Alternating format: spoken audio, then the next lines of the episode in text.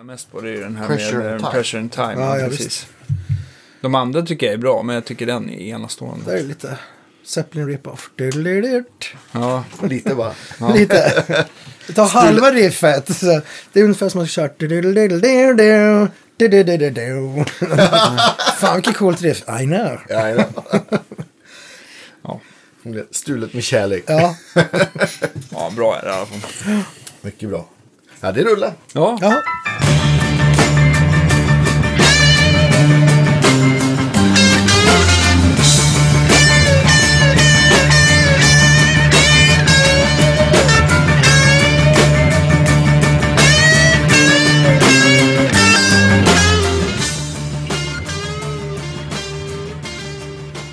Vad trevligt. Välkomna till Guitar Geeks podcast, Ja. mina damer och herrar. Och vilken röd tröja då, Andreas. Ja.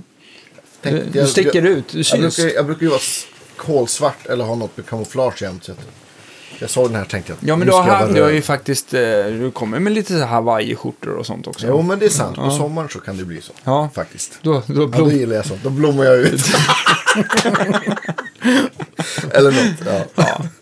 Och se hur länge du står i blom. ja precis. Ja, ja, augusti ungefär. Ja. Ja. Idag har vi äran att haft, eh, få med oss eh, Staffan Österlind. Eh, gitarrist, sångare, låtskrivare, producent. Producent. Sångare tror jag inte, men... eh, Nej, Eller ja. Någon låt. körsångare. Helst inte. Välkommen hit hur som Tackar, helst. tackar. Ja, vi pratade lite Zeppelin innan här. Eh, ni håller på med en ny skiva, du Pontus Snibb och tredje personen på bas. Ja, Sam- Sampo Axelsson. ja, ja. Eh, ja, håller på. Den är, eh, den är färdig faktiskt. Den är färdigmixad, färdigmastrad och eh, så. Och som sagt nu eh, ska, har vi lite folk som ska hjälpa oss att försöka shoppa den. Se Ja. om vi kan få tag i något management eller skivbolag eller något sånt där. Ja. Och, för vi vill inte liksom släppa den själva direkt. Men du hade hört den Andreas? Ja, eller? jag har ju fått äran att smyghöra hela skivan faktiskt. Mhm. Det är jättebra. Vad- Hur skulle du beskriva den? Ja, men det, ja du. Jag tycker det är så svårt. Men ja, den har ju liksom definitivt eh, fötterna i 70-talet kan man väl Absolut. säga. Utan att... Och det är väl bitvis ganska mycket Zeppelin, men bitvis ganska mycket andra 70-talsinfluenser också. Ja, Vad, mm, vad säger ni själva om någon fråga? Ja, det är ju naturligtvis influerat av det som vi själva lyssnar på. Ja. Så det är ju mycket Led Zeppelin. Det, det jag har skrivit där. Lite. The Who också Ja, på precis. faktiskt. The Who, Pontus och Sampo är ju stora Who-fans. Mm. Och sen så någon låter ju lite sent Beatles där man hör lite Magical Mystery Tour-influenser liksom. Mm. Och sen naturligtvis då karaktäristiska 70-talsinstrument. Förutom gitarr, bas och trummor då. Mellotroner har vi lagt på Mm. några låtar.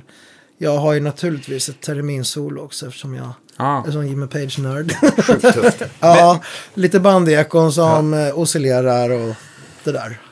Men jag tänkte på eh, gitarrmässigt, jag får en bild om att det är liksom kanske en Les Paul inne i en Marshall och eh, 412. Är det, eller har jag...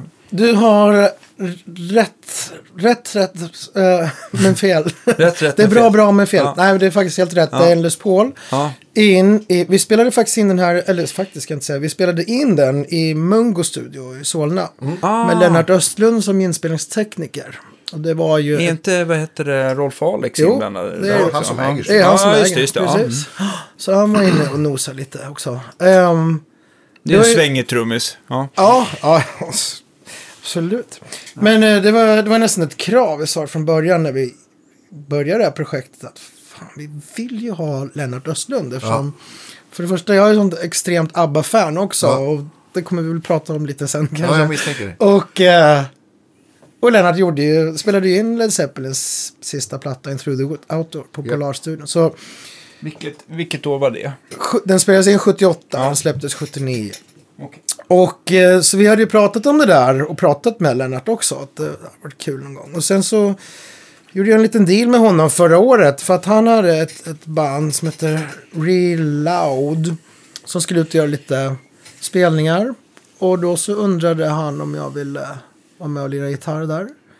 Och då sa jag att ja, det vill jag jättegärna mot att du spelar in mitt band. Ge- Om jag får två dagar i Mungo Studio med dig som tekniker, Ja. eller två kvällar, så, så ställer jag upp på de här giggen. Så vi gjorde en liten Ja, trade-off Mm. där. Ja. Win-win. Ja, precis. Och, ehm, så det var kul. Så vi satt, det var bara två kvällar helt enkelt som vi la bakgrunden och har vi gjort alla pålägg själva.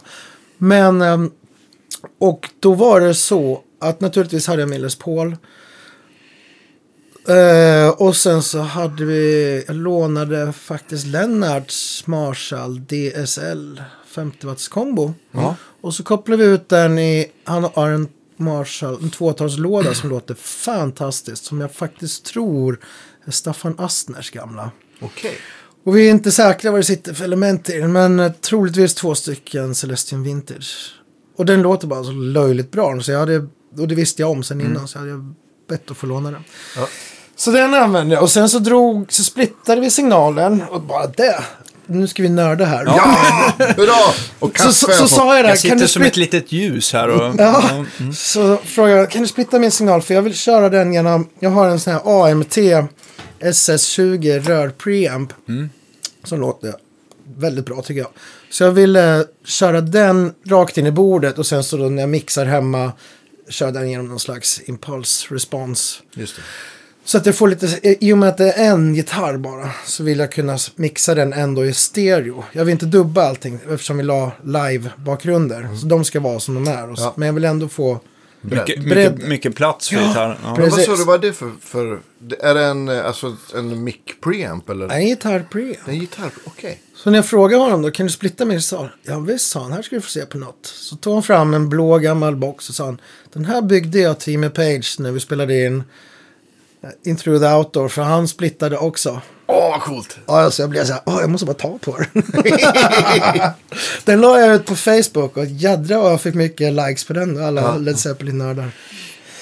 Eh, Går det få, är det, vad var det som var speciellt med den lilla eh, boxen? Är det att den har ett, eh, ett sound eller går det att få till liknande resultat med något annat tror du? Du menar, vi- Den här Jimmy Page eh, Jaha, nej, det var bara en splitbox. Det var bara en splitbox, Ja, det okej. var- Men det var ingen mojo eller med soundet ja, direkt? det så som var mojon, det var ju att han hade byggt den till Jimmy Page. Ja, ja, ja, men självklart. Men jag tänkte just ljudmässigt. Nej, Nej, det var väl bara en aktiv, eh, antar jag, aktiv eh, Man kan ta en- splitbox.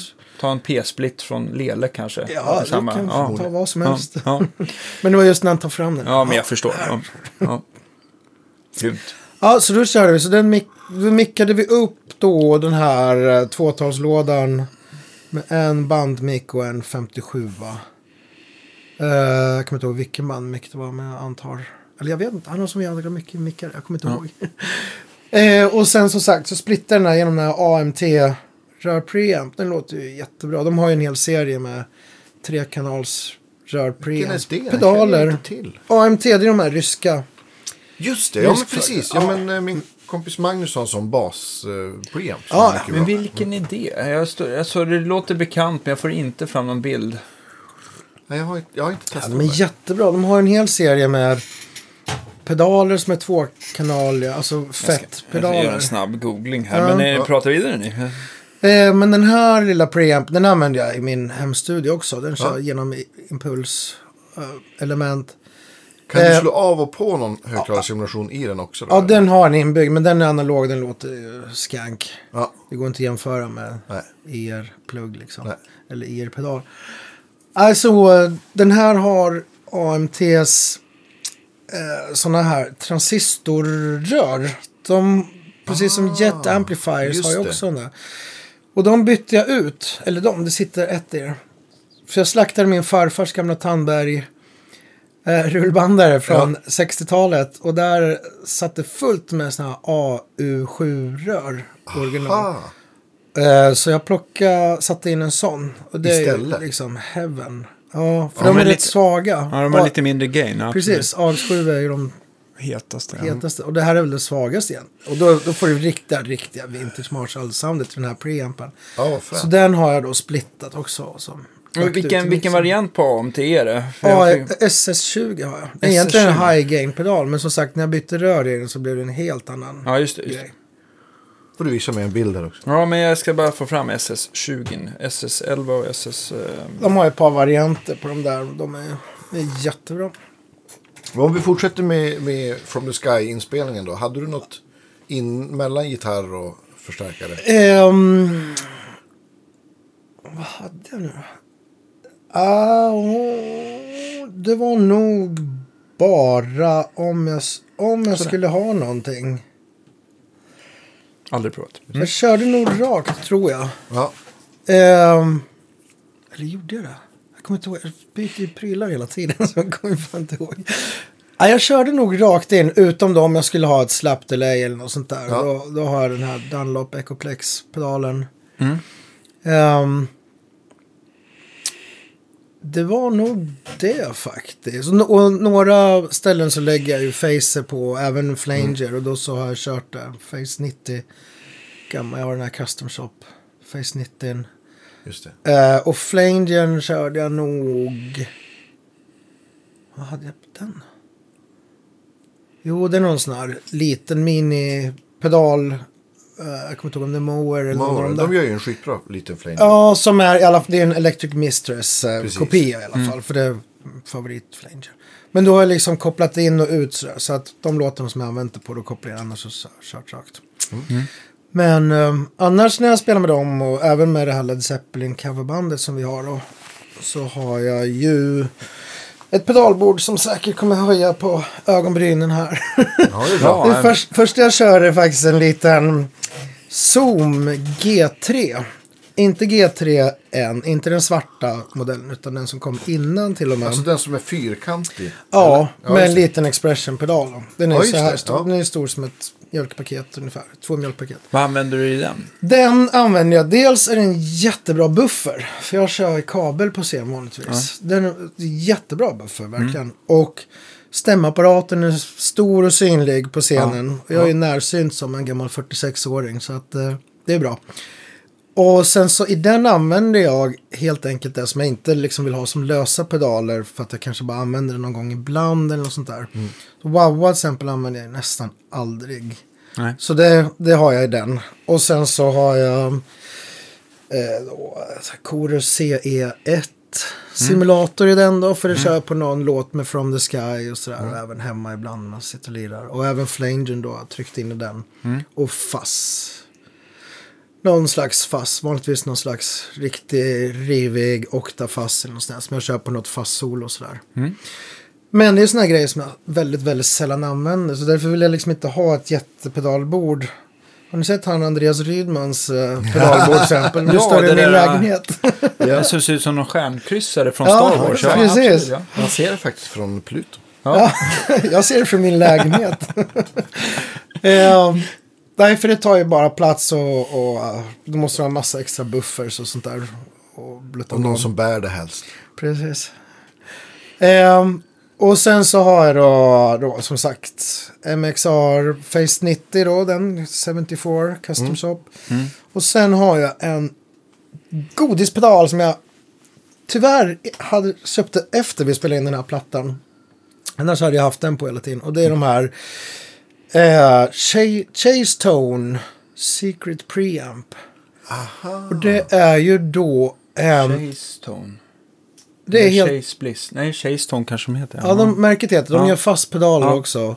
Det här Secret Preamp, det är helt enkelt Ecoplex preampen från EP3 som är New Old Stock.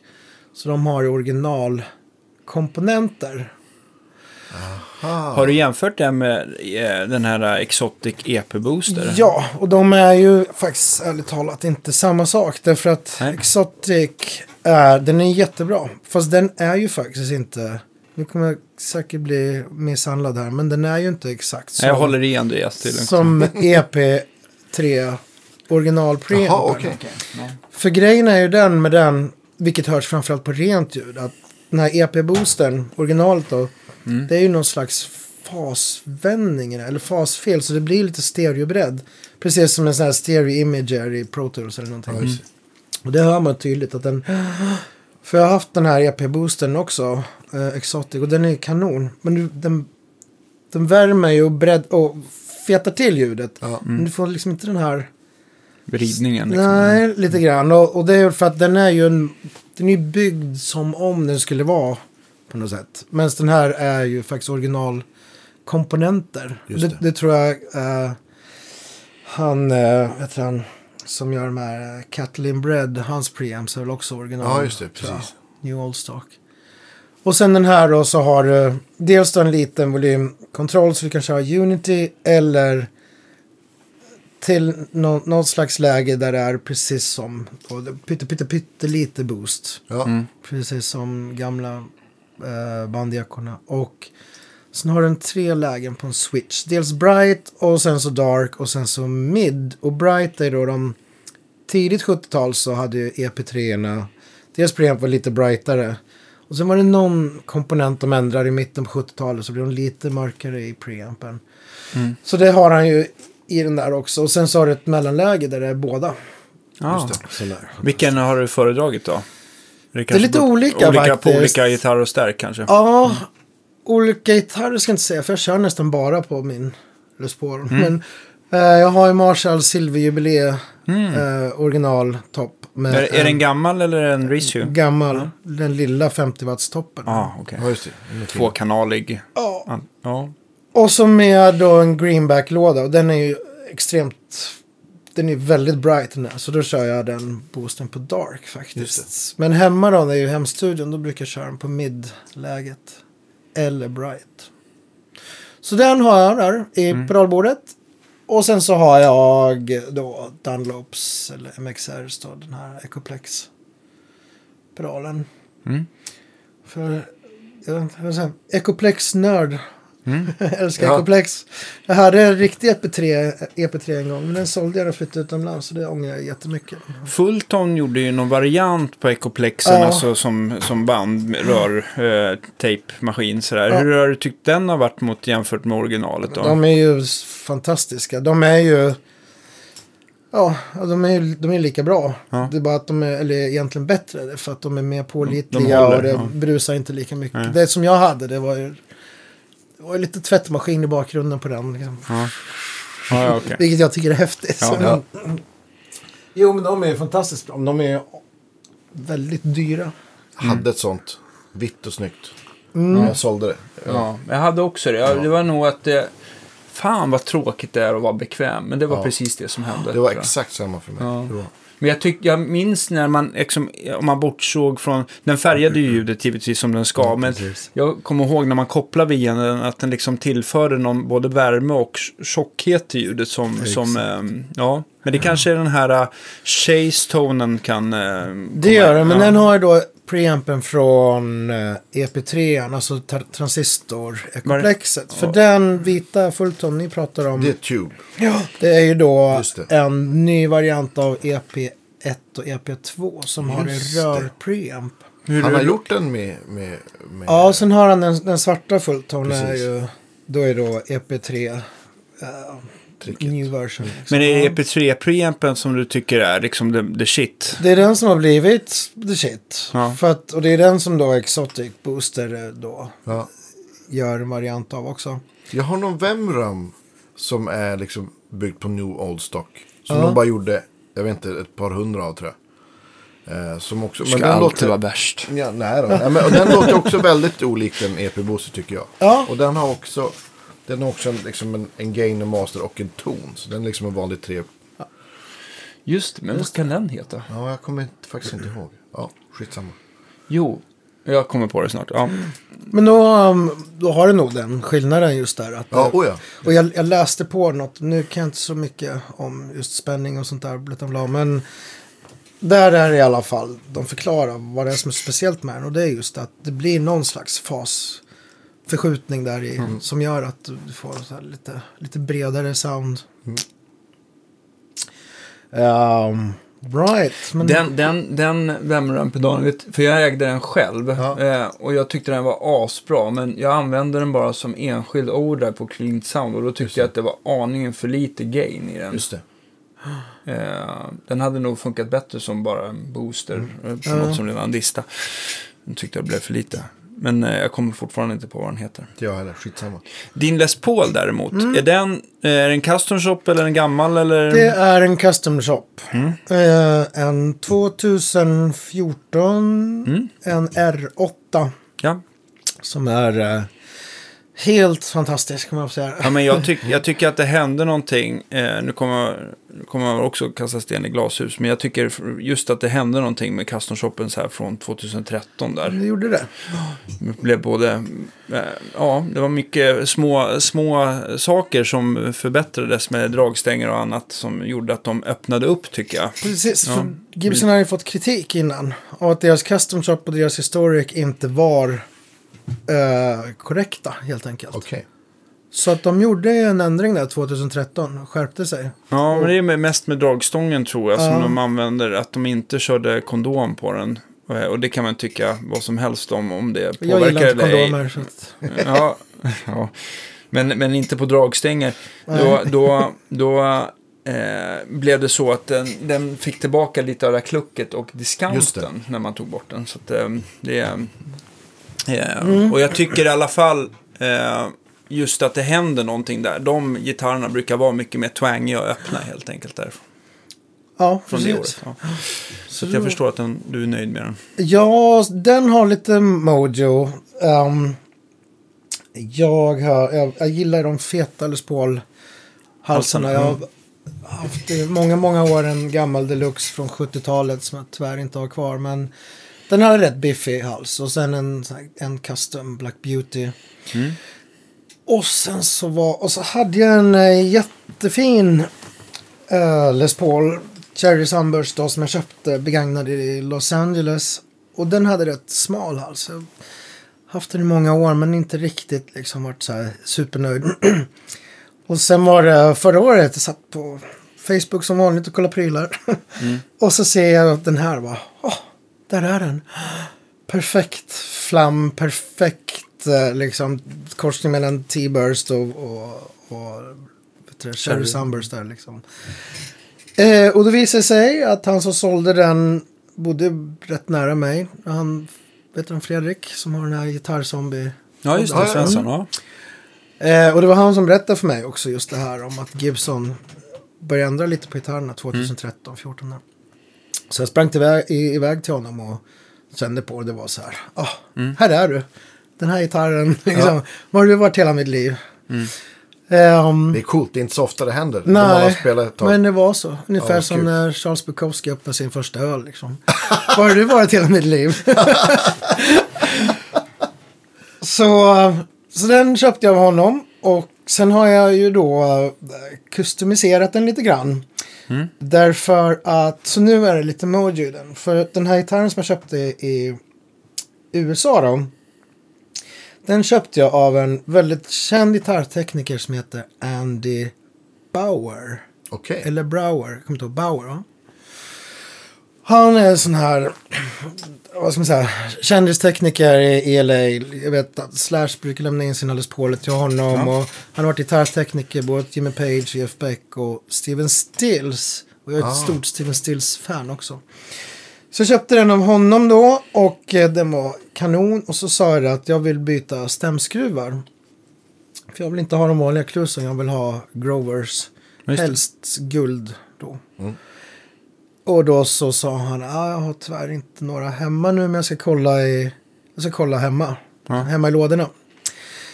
Och så messade han mig på kvällen så sa han, "Du, dude it's your lucky day. Jag har faktiskt Steven Stills gamla Gold Grover som satt på Steven Stills White Falcon från slutet av 60-talet. För de bytte jag för några år sedan sa han. För de är så gamla och nästan gröna av ärg. Och det gillar inte Steven. Så att jag, sätter dit nya. Jag kan sätta på dem på din Les Paul om du vill för 150 dollar. Jag bara, "Ah, skojar du? Här är ju pröjsat mycket mer än så. Så de hade jag då på den här Les Paulen. Och de satte jag dit nu då på min R8. För jag var Ja. tvungen att ha dem. Just det. Så det, det är lite coolt. Ehm, och som sagt, jag är stort fan av Crosby, Stills, Nash och sådär. Så jag hittade faktiskt en gammal video, tv-framträdande med Steven Stills från 71 tror jag. När han står med en grej och sen så byter han gitarr, tar fram sin White Falcon. Och börjar stämma och de zoomar in när han stämmer. Nej, Och ser jag, där är ju de. Det är Ja. de stämskruvarna. Ja, roligt. Och jag spelade i Tylösand för några veckor sedan och då eh, har Per Gessle hängt upp en stor plansch på Neil Young. Där han sitter med Steven Stills White Falcon. Ja, det är en, det är en känd bild. Ja, Ja, det- ja tydligen. Ja, Och det är också de. Det är de stämskruvarna där. Sådär. Ja, roligt. Ja, jag förstår att det är värt att pröjsa mer än 150. Alltså Coolt. Det, ja, det är lite mojo. Och sen ehm, eh, då när jag bodde där borta så blev jag kompis med Simon Duncan. Otroligt väldigt trevlig. Otroligt väldigt trevlig pojke. Han, och då sa jag till honom att um, Förlåt, men vart, hur sprang du på honom från början? Simon Duncan, jag bodde i Hollywood i många år. Ja. I fyra och ett halvt år tror jag. Och så sprang jag alltid på NAM hela Ja. tiden. ja. Och då så gick jag fram och pratade med honom. Och så sa jag att jag har en Les Paul ehm, som låter helt okej. men jag vill ha några eh, liksom puff-mickar som är lite, lite brightare. Sådär. Mm. Ja, då tycker jag du ska köpa mina Pearly Gates, tyckte han. Ja, så. I knew you were gonna say that. Men nu är det så här att jag vet att då, i alla fall stallmicken på Jimmy Page 59, eh, number one, är ju faktiskt du som har gjort den micken. Ja, det stämmer. så. "Ja, Den vill jag ha. Ja, inga problem. Så, här är mitt kort, ring mig privat på måndag efter namn. Liksom. Ja, Så kan du få komma upp till vår fabrik i Santa Barbara om du vill. Så. stenhårt. Ja, så att eh, jag ringde honom och han var hur trevlig som helst. Och sa, ja men när kan du komma upp? Liksom, vi, kan, vi kan göra de här mickarna nu. Då kan du komma upp nästa vecka? Absolut, så jag körde upp dit. Eh, liten, liten fabrik har i Santa Barbara där. och Hur mysigt som helst. Så han tog emot och så fick jag sitta och prata med hon MJ då som är eh, hon som är chef för customavdelningen och som själv gör mickar också. mm. Eller MG. Vad heter hon? MJ heter hon. Ja, ingen koll. MJ. Ehm, och hon var supertrevlig. Fick sitta på hennes kontor och hon visade ett kartotek. Så, Ja, men här har vi alla scheman för alla Custom custom-mickar. Så drog hon upp, här är Jimmy Page, här är Van Halen, här är Slash, här är Jeff Beck och här är de mickarna hon gjorde på 70-talet, den och den. Och, så. och, och som nörd, hon satt ju där liksom bara. Det här är ju makalöst. Så visade hon, ja men det här är då, jag har gjort de Jimmy Page-mickarna till dig. Och eh, så sa hon att du vet, om du är nöjd med dem, här, om du vill ha några egna Staffan-mickar. Du kanske vill ha de här mickarna fast de är lite, lite hetare om du vill ha dem på 10K istället för 8,14 Hur- eller vad de är. De som du fick gjorda åt dig, de här Jimmy Page-mickarna, hur, hur, eh, vad skilde sig de Pearly Gatesen eller var, kom du ihåg spesarna? Lite, lite. De här eh, mid-hot eller vad de kallar dem. De ligger på 8, komma någonting. Vanligtvis ligger ju Puff på 7 någonstans där. Ja, man kan ju mäta lite, kan skilja lite grann, men, men ofta så, de jag mätt på har ju varit eh, strax under åtta i alla fall. Ja, ja, precis. Och vad jag känner är väl att det är... Jag vet inte, det är ju det där mellanregister-honket i det. Det är ju Alnico 5-mickar i dem. Så de har ju ofta lite mindre mellanregister. Fela mig om jag har rätt. Ja, alltså jag tycker mellanregister, när vi pratar mellanregister så brukar det ju komma mer mellanregister om man slänger på lite mer tråd. Men jag tycker magneten, det är väldigt svårt att liksom, för mellanregister, det kan vi ju kan prata lågmellan, mittmellan eller högmellan. Det är ganska Ja, så här ja, vart man lägger tyngdpunkten i micken någonstans. Men Alnico 5 är i alla fall lite, den driver ju lite mer och lite mer på. Jag tycker vissa Alnico 2-magneter kan ju låta lite så här, hos vissa tillverkare så är- kan de vara väldigt brighta och så, så till nästa tillverkare så kan de vara nästan lite trötta och dova så där. Så att det, Men har du med linning och tråd och grejer att göra eller? Eh, ja, och sen antagligen hur hårt man lindar micken, Okej. hur hårt den är vaxad och hur omatchade eller matchade spolarna är. Men jag tycker, eh, jag tycker just när det gäller magneten gör ju störst skillnad av det lilla experimenterandet jag har hållit på med. I alla fall det, det ehm, Ja, vi spårar så- ur direkt. Ja, men det är, det är kul. Men det är svårt. Jag, jag, upp, jag, ska, jag säger varken bu eller bä när det gäller att det är mer eller mindre mellanregister i de olika magneterna. Men, men eh, jag upplever ju ofta som att Alnico 5 är lite, har lite mer aggressivitet och, Ja. och närvaro och sådär. De här mickarna har lite, alltså det högra, hö, högre kluckande på något sätt. Och eh, för jag kände det när jag köpte den här R8 att Var De- Burstbuckers den? Nej, var- Custom. Custombucker, ja. Och de låter ju fantastiskt. eh, men inte, inte helt i min smak. Ja. Som kör lite mer åt hårdrockshållet. Men... Då var de lite för snälla för Ja, det. precis. De är väldigt öppna och luftiga. Man säger Mm. så här, fantastiska. Om du bara drar ner lite grann så blir det superrent ljud. Så, här. Men, Mm. så därför bytte jag då till de här Jimmy Page-mickarna Ja. som jag hade. Eh, och det gjorde ju hon på den här. Simon Duncan har ju Gibsons gamla original. Lindningsmaskinen. Lindningsmaskinen, precis. Ja. Så bara ta på den var lite så här nördigt också. Ja, verkligen. Ja, nej, så de var jättetrevliga. Och sen ett år senare så släpper, Jimmy, eller så släpper Simon Duncan en mix som heter Håll the Humbucker. Ja, just det. Ja, där har vi det. De, Okej. Undrar var han fick den idén ifrån. och då så sa han utan att nämna några namn att ja, den här micken är den som jag har gjort till en väldigt berömd gitarrist som har på hans nummer one, number one 59. Mm. Om det är exakt samma mick vet jag faktiskt inte men. Mm. Men, ehm, Men, ja. nu, men nu går det att köpa den i alla fall. ja. Eh, Utan ja. att man finns i kartoteket som du och alla andra föräldrar. Precis. Ja, han har ju den som heter Hålla till Humbucker. Ja. Om, om det är exakt den eller om han har gjort någon än, det vet jag inte. Men, eh, men den är ju... Men den micken har jag hört. Den låter väldigt trevligt. Men den Ja. är ganska, jag vill minnas att jag tycker att den är ganska öppen. Men den låter, den har ganska, lite rivigare paff sådär. Mm, ja. precis. Länge sedan, jag har mig Peter Roth köpte den till någon av sina Les Pauler. Ja, jag kan minnas fel. Ja, när vi jobbar på Deluxe. Men nu, nu, nu måste vi backa här. Du, du bodde i, i USA i fyra och ett halvt, fem år. Hur, Mm. hur, vad var det som fick dig att flytta till USA då? Det var en barndomsdröm. Alltid varit så här LA, Hollywood, nörd. Ja, Ända sedan jag var liten. Så att redan på 80-talet satt och bläddrade i... När jag var liksom så här, yngre tonåren satt och bläddrade i Hollywoodböcker och sånt där. Mm. Och det var en dröm helt enkelt. Och så var min tanke egentligen från början då, när jag gick ut gymnasiet då, i början på 90-talet att jag skulle dra då, och gå på GIT som alla andra gjorde. Så här, men så hamnade jag på Musikhögskolan istället. Och sen har det där inte blivit av. Utan jag har ju jobbat och, och spelat och undervisat och så vidare liksom.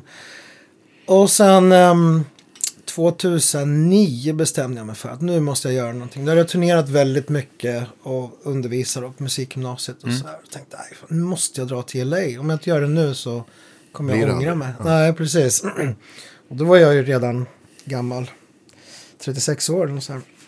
Och då höll jag ju på att producera och mixa väldigt mycket. Så jag tänkte jag drar till LA så kan jag plugga då ljudteknik, alltså ljudproduktion. Så att jag sökte då till den här produktionslinjen då på MI ja. RIT, Recording Institute.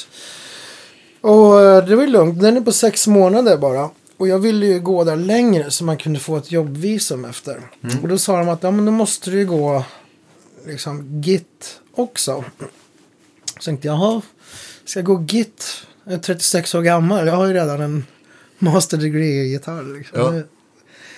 Så tänkte jag, ja men kan jag få gå liksom, så börja med produktionslinjen och sen GIT då? Så nej, det går inte. För då vet de ju att då är det många som kommer hoppa av. Så här. De är rätt pengahungriga där. Ja. Så jag gick faktiskt GIT.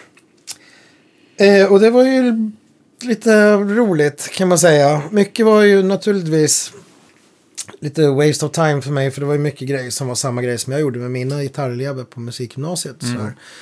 Eh, men mycket var ju lite kul att säga. Oj, det här har jag inte gjort på länge. Man fick liksom bygga upp sina shops lite grann. Sådär. Och Jag hade privatlärare då som var otroligt bra. Så det var ju skitroligt. Vem, vem tyckte du stack ut mest då? Av dina lärare? eh, ja, den första snubben som hette, han hette Ernesto Homeyer. Mm. Eh, han var ju jättebra. Han var ju här riktigt Van Halen och Led Zeppelin-fan. Så att vi, Ja. vi satt ju faktiskt och... Jag backade bandet lite grann sådär att vi satt ju faktiskt och analyserade gamla Jimmy Page-solen och sådär som jag själv har gjort sedan sexan liksom. Ja. Fast med nya vuxna öron eller vad man ska säga. Ja. Och eh, han... eh, Jag har alltid älskat Van Halen men aldrig varit liksom... Ja, inte riktigt lys- Jag har mer lyssnat på Van Halen för musiken men aldrig varit någon sån här Van Halen, Eddie Van Halen-nörd.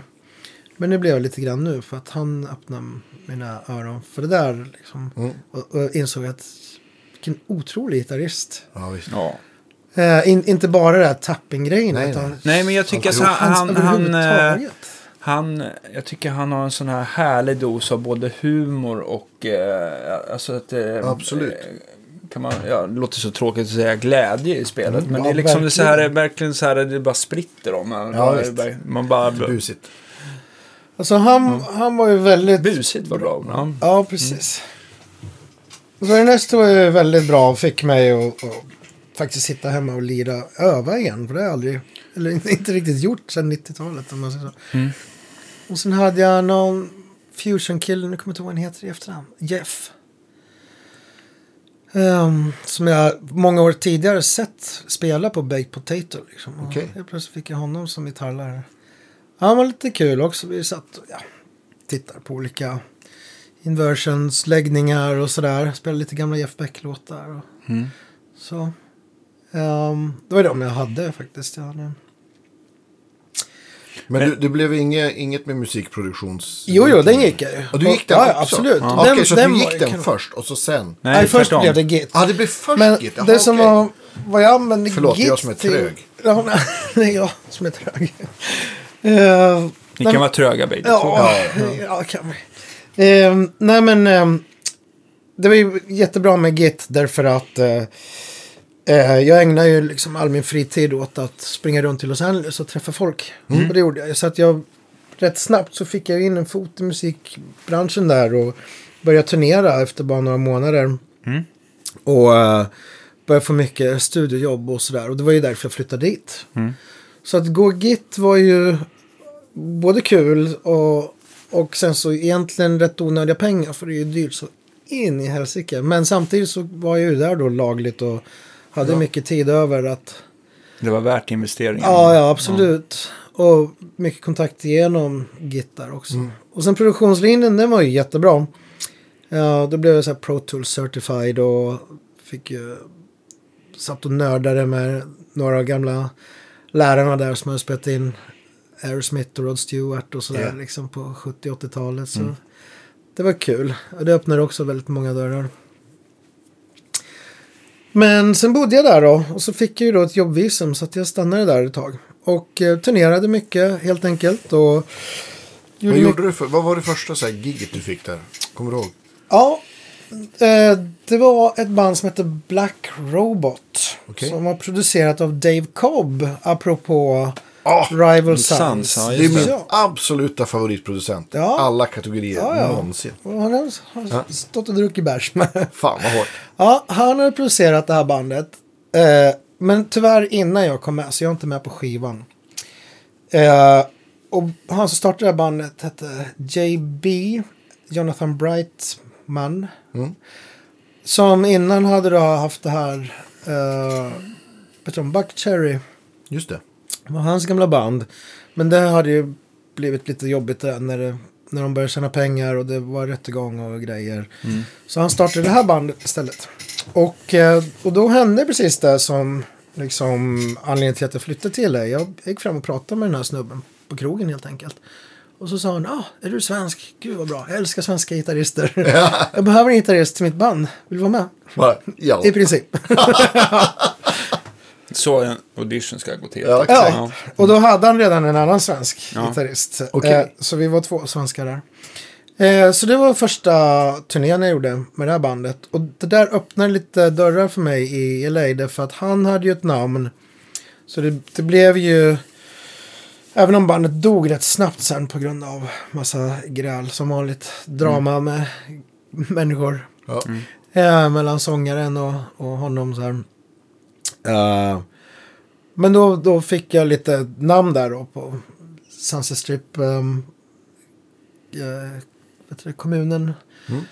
Så, um, så det var bra. Sen, um, sen rullade det på. Jag jobbade mycket med en producent som heter Tony De Niro. Som helt annan genre. då. Eh, han har jobbat mycket med Snoop Dogg och, och massa såna grejer. Så det var mer R&B och hiphop faktiskt. Men um, honom ringde jag. Jag kände en snubbe som hade jobbat med security. Satt upp larm i hans studio.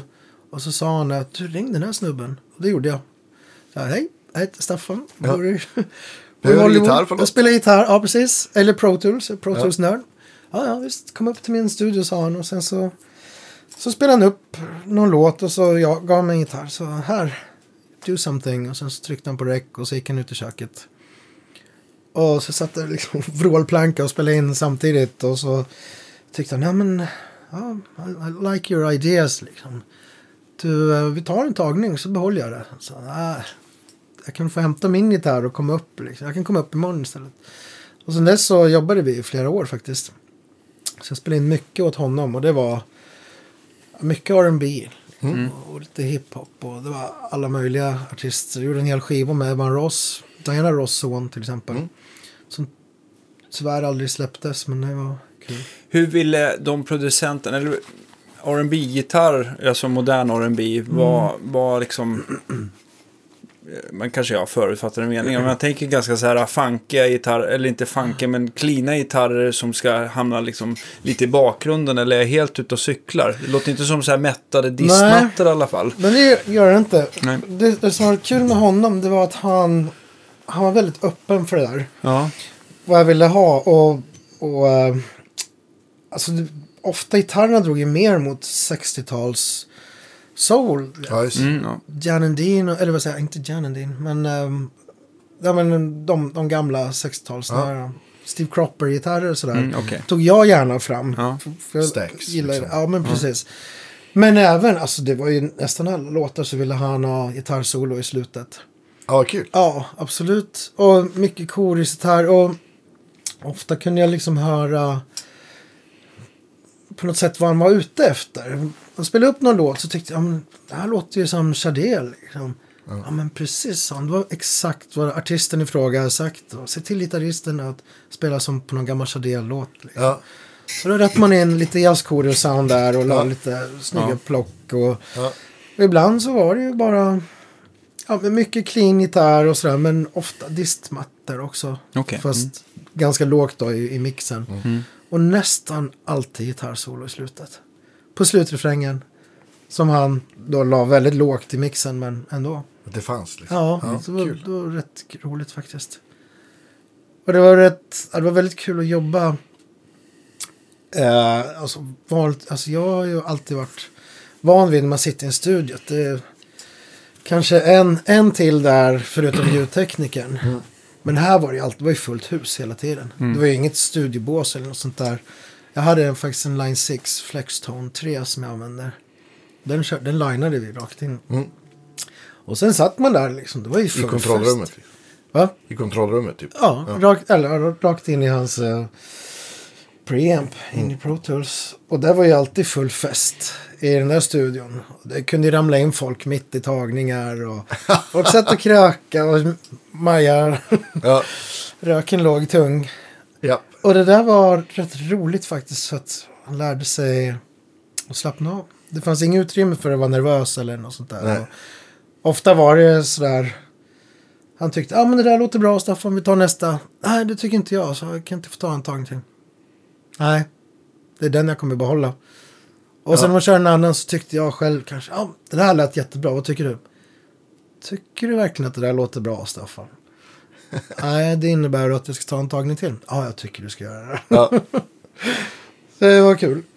Och det var eh, som sagt, helt plötsligt så satt ju då chefen för Universal satt där. Eller mm, Emma Ross, manager, som också var någon hög chef för Sony Music. Och så det var ju höga höns. Som kom för att kolla hur det gick typ. Ja, Eller som bara kom kom, kom dit och hängde. Om jag satt där och spelade gitarr eller inte, det sket i dem. Men det var ju ofta så, ja, är det du som är den gitarrist? Ja, men vi har hört Ja. lite på låtar här. Ja, Ja, kul. kul. Är du från Sverige? Ja. Känner du Max Martin? Nej, jag var ute med honom igår. Jaha, kul. Ja. Så ja, det, var, det var väldigt roligt. Måste säga. Och som sagt, då fick man ju en arbetsrutin och, och framförallt någon slags insikt i att jag inte ska lyssna så mycket på mig själv när jag spelar utan vad andra tycker. Ja, just det. fanns en anledning till att han hela tiden ringde mig. Och jag, själv kunde jag tycka, men det här lät ju inte alls så bra. Nej, men det låter bra. I mina öron låter det bra, sa Mm. han. Så. Och de är nöjda som sitter, vad tycker ni? Och sen satt det då fem pers i soffan. Ja, det låter jättebra. Ja. Ja, ja. Ja, men det, det, tycker jag, det tror jag kan vara de flestas problem om man sitter och spelar in saker och gör pålägg helt själv. Att man tittar på dem med lupp och mikroskop och Absolut. jag vet inte, månkikare eller vad fan det nu är. Liksom, och, och inte kan zooma ut och egentligen höra vad, hur det låter i sammanhanget och vad det är till för låten. Utan bara sitter kanske så här, titta på om timern ligger rätt. Eller, liksom, Ja. eller, eller sololyssna i gitarren. Liksom. Ja, ja, Och visst. så här, så att det, är likadant när det gäller mixar. Jag menar, jag, eftersom jag sitter och mixar så mycket. Det, det är nästan ännu värre tycker jag. ja, För då blir man ju helt galen till slut. Som när jag mixade From the Sky-skivan nu. Till slut, liksom Pontus blev så här, alltså. När du, det här är mix nummer nio du skickar på den här låten. Det låter bra. Ja, ah, vänta, jag ska nog göra en mixa om lite. Nej, det ska du inte. Gör inte. Ja. Då är det bättre om man har en deadline. För det är så här, ja men Ja, nu är det klart för att precis. imorgon ska det mastras. Att- Ja, verkligen. Var du runt mycket i andra studios i LA också? Eller utgick du nästan enbart från hans? Eh, nej, inte så mycket de här stora studierna. Nej. Tyvärr.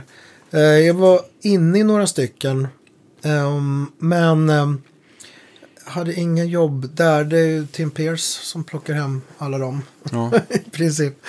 Men ehm, ehm, nej, men jag fick ju mycket jobb som jag gjorde hemma då i hemstudion. Ja, Just det. Och, Hur, vad hade du för setup då? Var det liknande? Ja, Det, det är jag. Ja, jag körde jag där? Ja, det var lite pedaler och på den tiden, det här är ju tio år sedan eh, snart. Jag använde nog mycket, eh, vad heter den? Gitarrig, tror jag. Just det. Mm. Gitarrig. Och så använde jag den där Line 6-förstärkaren också. Mm. Den är faktiskt jättebra, den Flextone 3. Mm. Den låter ju kanon. Har du kvar den? Mm, eh, nej, den blev kvar i USA. Ja. Sen köpte jag en till här. Den sålde jag faktiskt häromdagen. Okej. den stod bara i vägen i köket. Ja, jag bara, nu kör jag Helix Stomp och sånt där. ute. Ja. Eller, eller min Marshall Jubilee. Liksom. Men eh, absolut värd sina pengar. Låter jättebra idag fortfarande, tycker jag. Eh, nej, men så det var nog den setupen jag hade. Och sen var det ju alltid olika plugins i, i, i Pro Tools och Ja. så här. Vad hette den? Alltså Protos gjorde ju en Amp Farm. Ja, också. Hur, var- hur var den? den så här, men den... man eh, kommer ihåg att man läste om den i gitarrtidningen. Men all, jag tror aldrig jag Nej, men, spelat. Ampfarm är ju Line 6. Jaha! Det var de som gjorde den? Okej, Ja. jag förstår. Den använde ju Peter Svensson jag mycket. Ja, men precis. Cardigans på den tiden. Eh, men den f- finns ju fortfarande. De har ju utvecklat. Så Ja. Vissa deras ljudkort så kommer det där till Mm. Ampfarm. Och även alltså deras poddar när du kopplar upp dem. Det var ju Ampfarm. Eller i alla fall varianter på det. Ja, just det. Låter den här flextonen eh, likt den röda njuren så att säga? Eller en... Flexton 3 var väl den tredje generationen av de där. Så det var samma som eh, eh, de, deras Vetta. Okej. Deras flaggskepp då på den tiden. Alltså det. det. var ju rätt länge sedan. Nu, 2006 eller något sånt här de kom ut då. Mm. Eller ännu tidigare. Eh, så Vetta var ju deras dyra modell som Okej. med, alltså miljarder olika programmeringsmöjligheter. Och det här var väl den samma fast i en lätt, mer lättåtkomlig förstärkare. Lätträttad. Du hade fyra, du kunde programmera fyra ljud precis som på Ja, poddarna där. Just det. Och det var väl den som blev XT sen tror jag. Just, Podd ja, just XT. det. Precis. Jag tror att de var väl samma generation. där, sånt där. Makes sense. Ja, Men eh, har för mig att du berättade för mig också att du var på, på Guitar Center en del och hade lite så här ja. namn, namnkunniga Ja. kunder. Det måste du berätta Jo, för det stämmer. Jobbar du på Guitar Center Ja, också? jag gjorde det faktiskt. Eh, jo, därför att vara frilansande rockstjärna wannabe i Hollywood är ju jätteroligt. Men nu är det ju ganska så dyrt att vara rockstjärna och du tjänar inga pengar på att vara rockstjärna. Om du inte är riktig rockstjärna. Ja. Eh, så att eh, jag fick krypa till korset där och eh, börja jaga jobb ett tag. Och då så blev blev kompis med en kille som jobbar på vintageavdelningen på Guitar Center Ah. på Sunset Boulevard. Då. Alltså flaggskeppet, den stora berömda. Och där hade man ju själv varit hundratals gånger som Ja. turist innan jag flyttade dit. Ehm, och jag fick faktiskt jobb där då. Jobba på gitarravdelningen. Eh, så jag sprang mellan lite grann. Dels på gitarravdelningen och sen så på då eh, custom shop-avdelningen då. Eller Platinum Room heter det. Och sen så där nere i källaren då på vintageavdelningen ibland. Eh, och det var ju faktiskt jätte, jätte, jättekul. Måste jag säga. Ja, det kan jag tänka mig. också. Ja, både och. Det är lite slavarbete. Och det, jag upptäckte att för en själv så var det ju en sån här grej att det här är helt otroligt. Här jobbar jag på Guitar Center i Hollywood. Ja. Det som var liksom typ det första jag åkte till första gången jag var i LA Ja. på semester liksom, på 90-talet. Det var ju nästan direkt från flygplatsen till Guitar Center. Ja. Och här står jag då tio år senare och jobbar där. Ja. Så det var kul. Eh, men det är ju väldigt dålig lön. Är det liksom, eh, förlåt jag avbryter, men är det liksom provisionsbaserat? där, eller? du har ju så minimilön Okej. och sen provision. Ja. Och det ska sälja rätt duktigt för att liksom tjäna några pengar. Men liksom, hur ser en provision ut på en gitarr som kostar 1000 dollar till exempel? det, det är så väldigt, väldigt olika. Ja. Och det upptäckte, det fick vi ju reda på liksom. Till exempel att nu tar vi in de här gitarrerna och där är en stor marginal. Så de får ni mycket Provision. provision på. Medan till exempel vissa andra grejer kan vara väldigt lite provision på och så vidare. Så att man fick lära sig lite grann. Eh, om man nu ville tjäna pengar. Vad man skulle sälja. Ja, faktiskt. Så var det är inte alltid att man kanske började, tog det som man själv gillar mest, utan det, det blev vinklat till, till eh, Absolut. marginalen istället. Då. Ja. Ja. Men nu är det så här att jag frilansade ju under tiden och hade en hel del turnéer. Mm. Och, och jag är ingen sån här liksom, tävlingsmänniska direkt. Så att jag, var, jag hade det rätt bra. Jag klarade mig bra då på minimilönen. Då. Det pröjsade liksom hyran och sådär. Och sen Mm. så frilansade jag. Så att det gick bra. Och det gjorde ju också att jag faktiskt blev den försäljaren som jag själv vill ha när jag går till Guitar Center. Och det är precis som du säger liksom Mm. att kommer in någon pappa med, med sin son eller dotter och vill köpa en bra hemförstärkare för de ska börja spela elgitarr. Mm. Då är det så att då säljer jag ju hellre Line 6 lilla 30-wattare. För att jag tycker den låter jättebra liksom i den, Ja, visst. som en sån hemförstärkare. Ja. Istället för till exempel något annat märke som jag vet att jag tjänar 30% mer om jag säljer den här. Mm. Fast den här gitarrförstärkaren är ju inte kul. Jag kan bara inte Det rekommendera känns den. ingen bra. Nej. Och det där gjorde också att jag fick... Jag tror folk märker det där. Så jag fick ju faktiskt en stadig kundkrets. Det var ju så att folk hörde av sig för att Definitivt. kolla om jag jobbade där för att de behövde hjälp med det här och det här. Och då visste de att jag kan rekommendera en strata för 500 dollar istället för en för 2000 dollar. För jag tycker inte prisskillnaden är Värt det. värd det, kanske på just de två gitarrerna. Och det uppskattar ju naturligtvis.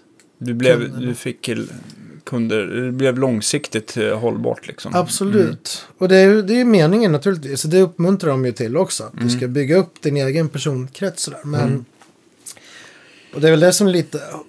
Jag vet att Guitar Center har lite dålig, uh, dåligt rykte. Det är för att många, framförallt de unga som börjar där, de tänker nog inte så. Utan de, de försöker ju sälja så mycket av det som möjligt av det som du tjänar så mycket som möjligt på. Liksom. Men jag hade ju en rolig kundkrets. Visst, jag hade ju Johnny Depp till exempel som ringde hem till mig på min privata mobil. För då hade jag... Hi, it's Johnny! Ja, det var roligt. Det kom fram en snubbe till mig. Jag stod bakom disken så kom det fram och så sa han, Du, är du ledig? Ja visst. Jag behöver hjälp här. Ja, absolut. Och nu är det så här, ganska hög profil här. Liksom, så att om du är lite diskret. Ja men visst. Och då står det en ung tjej där. Um, och uh, med en grabb då i tioårsåldern eller något sånt där. Och så presenterar jag mig och så vidare. Och jag känner igen den här tjejen. Liksom. Och osminkad och lite så här mysdress. Och så ser jag den här grabben och säger shit han ser ut som Johnny Depp. Och så ser jag på tjejen så jag gluggar mellan tänderna. Fan, Det är ju Vanessa. Vanessa Paradis eller Parad- Paradise. Ja. Paradis. Ja. Eh, och mycket riktigt, det var det ju. Så jag sa, åh, gud vad kul. Åh, jag älskar den här gamla låtar. Jag lyssnade Ja. på, på gymnasiet. Så här. Ja. Gud vad häftigt. Och då så skulle de köpa grejer då till Jack Depp då. Mm. Sonen där. Så vi tittade på lite prylar och, och sådär. Eh, som jag la undan då. Och så var hon inne några gånger. Så var jättetrevlig. Och, och han Jack Depp var jätterolig. Han ville spe, visa upp vad han hade lärt sig och så. Ja, just det. Och sen så då, och, och som jag alltid gjorde, jag gav ju mitt personliga då, visitkort. Och så Mm. ring, inte, ring inte till affären och fråga efter mig, utan ring på min privata mobil. Liksom. Det är mycket Mm. bättre. Man vill ju inte losa en sån kund heller. Nej, visst. Alltså en, en förmiddag så ringde när jag var ledig. Så ringer telefonen och en djup röst så. Hi, this is Johnny. I believe you spoke to my woman. och jag hörde ju direkt att det var Johnny Depp. Och jag, uh, yes. uh, och då så sa han, ja men bra, du har lagt undan lite grejer. Jag tänkte komma och hämta det. Ja, absolut, vad kul. Jobbar du idag? Nej, nej tyvärr. Jag tänkte, fan också. Skit. Ja. Nej, jobbar du imorgon? Ja, imorgon jobbar jag. Ja, men då kommer jag in imorgon istället. Ja, kanon. precis. Ja. Hade, du- hade du löst det annars tror du, att du åkte in? Eller hade du inte fått? Jag hade inte fått göra det. Nej. Nej. utan då hade jag fått ringa en kollega som hade fått ta ut det åt mig. Alltså ringde han dagen efter och så sa han nu är vi på väg och sa ja, men kom in bakvägen. Liksom jag fick se till en manager och låsa in. Så här, vi hade haft Brad Pitt där ett tag innan som kom in som vanligt. Ja. Och du vet, det där fick ju paparazzis på. Ah, eller nys på. okej. Då fick vi stänga och smuggla ut honom bakvägen. Det gick ju inte. Och jag sa det till, till herr Depp då, att det där, för att hålla lite diskret. Men han var ju jätterolig och han har ju jobbat med Lena Olin och sådär och kunde ju Just lite det. svenska. Och, och så ville han gå ner i vinters och så hade jag tagit, fram de grejerna som han hade beställt till grabben. Och så ville han gå ner i vintersavdelningen och jag bara yes! Tänk nu om man köper någon riktigt dyr grip här. Ja. Så gick vi ner så satt jag och jammade lite på en Les Paul Custom från 58. En tre mickars. Det var så här Hollywood moment som jag kallar det. När det händer någonting som man tänker att det här är ju helt makalöst. Ja. Jag sitter på Guitar Center där jag jobbar och jammar lite grann med Johnny Depp på en Les Paul som kostar 800 000 kronor. Ja. Det händer inte varje dag. Nej, shit. Nej, så han var trevlig och kul och sen så ehm, sen kom ju Jack och Vanessa, de kom in lite då och då och, och Jack Depp brukar alltid komma in och fråga efter mig så skulle han visa då någonting han hade lärt sig. Visar du någonting tillbaka då, du som ändå är lite pedagogisk? Ja, men absolut. Och han var ju basist, han spelar bas då. Ja, okej. Och sen så en annan Hollywood moment fick jag en gång till då. Ja. honom. Då hade vi fått in till vintersavdelningen Music Man Stingray nummer 000001. Oj. Den absolut första Mm. aktiva elbasen. Ja. Fan och då så, coolt. ja, den var... Någon samlare som hade bytt in då eller? Ja, den hade varit i omlopp faktiskt. Okej. Så den fick vi in. Och då så sa jag då till Jack Depp var där. Så, du kom ner nu ska du få se på en häftig bas. Så vi sprang ner där.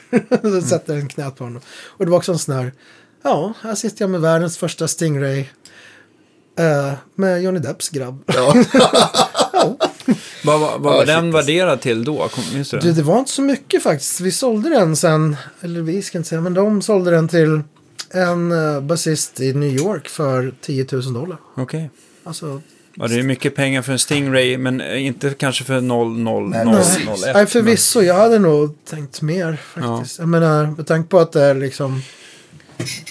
Just den basmodellen och att det är världens första aktiva elbas. Så, Jag tänker på Guitar Center som är, eh, och den Sunset som ska liksom vara den flaggskepps, den tuffaste butiken är kanske i USA.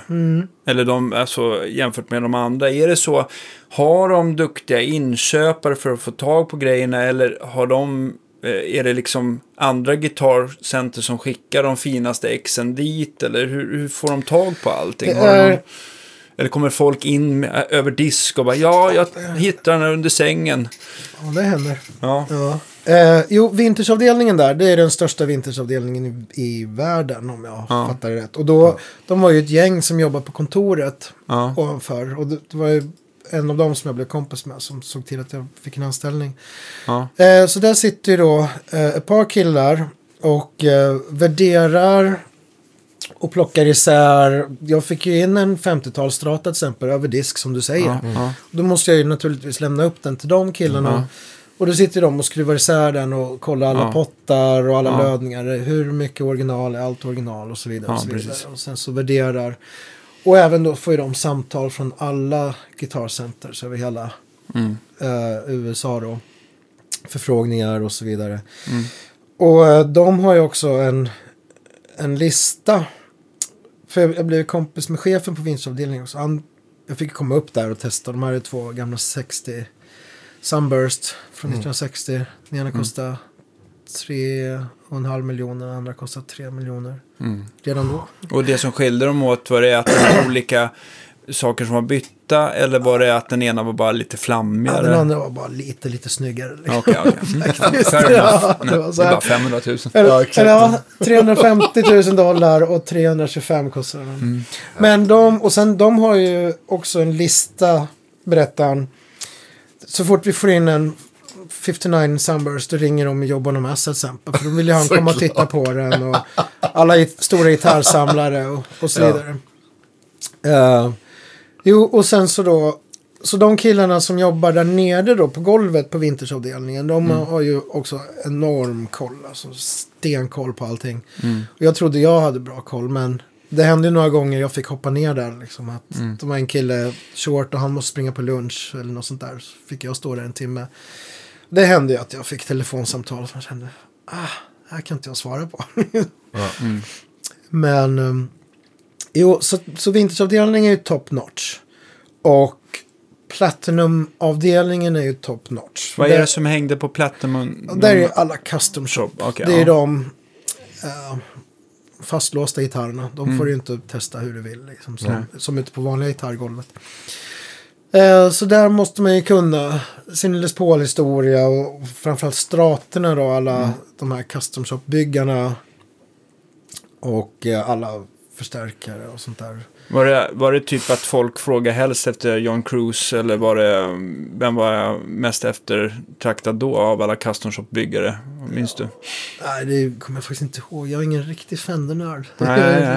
Men, och, men, ehm, och de är ju inne ibland också, någon av de där custom shop-byggarna, eftersom de är ju där i södra LA. Ja, just det. Just det. Men det, det kommer in folk och frågar efter någon specifik custom shop-byggare. Ja. Då måste du ju kunna ditt, ditt gebit. Ja. Och likadant just det här med Les Pauler. Vad är det för skillnad på de här årsmodellerna, de här custom shop årsmodellerna och så Ja. vidare och så vidare. Så där är också väldigt bbra. Men sen gitarrgolvet, det, det kunde ju vara lite... Det blev ju ofta lite Heikon Bacon som jobbade där eftersom... Och som, eh, det var ju många som jobbade där ett tag och så slutade de eller fick sparken och så tog de in nya killar som inte kunde så mycket och så... Hög omsättning. helt. Ja, väldigt var det. Men som sagt, det var kul. Och jag lärde mig ju jättemycket. Det var ju kul att gå ner till, vin- om det var lite folk, så springer man ner till vintersavdelningen och satt och snackade med dem där. Och Mm. spela lite på någon gammal Goldtop från 55. eller så. Ja.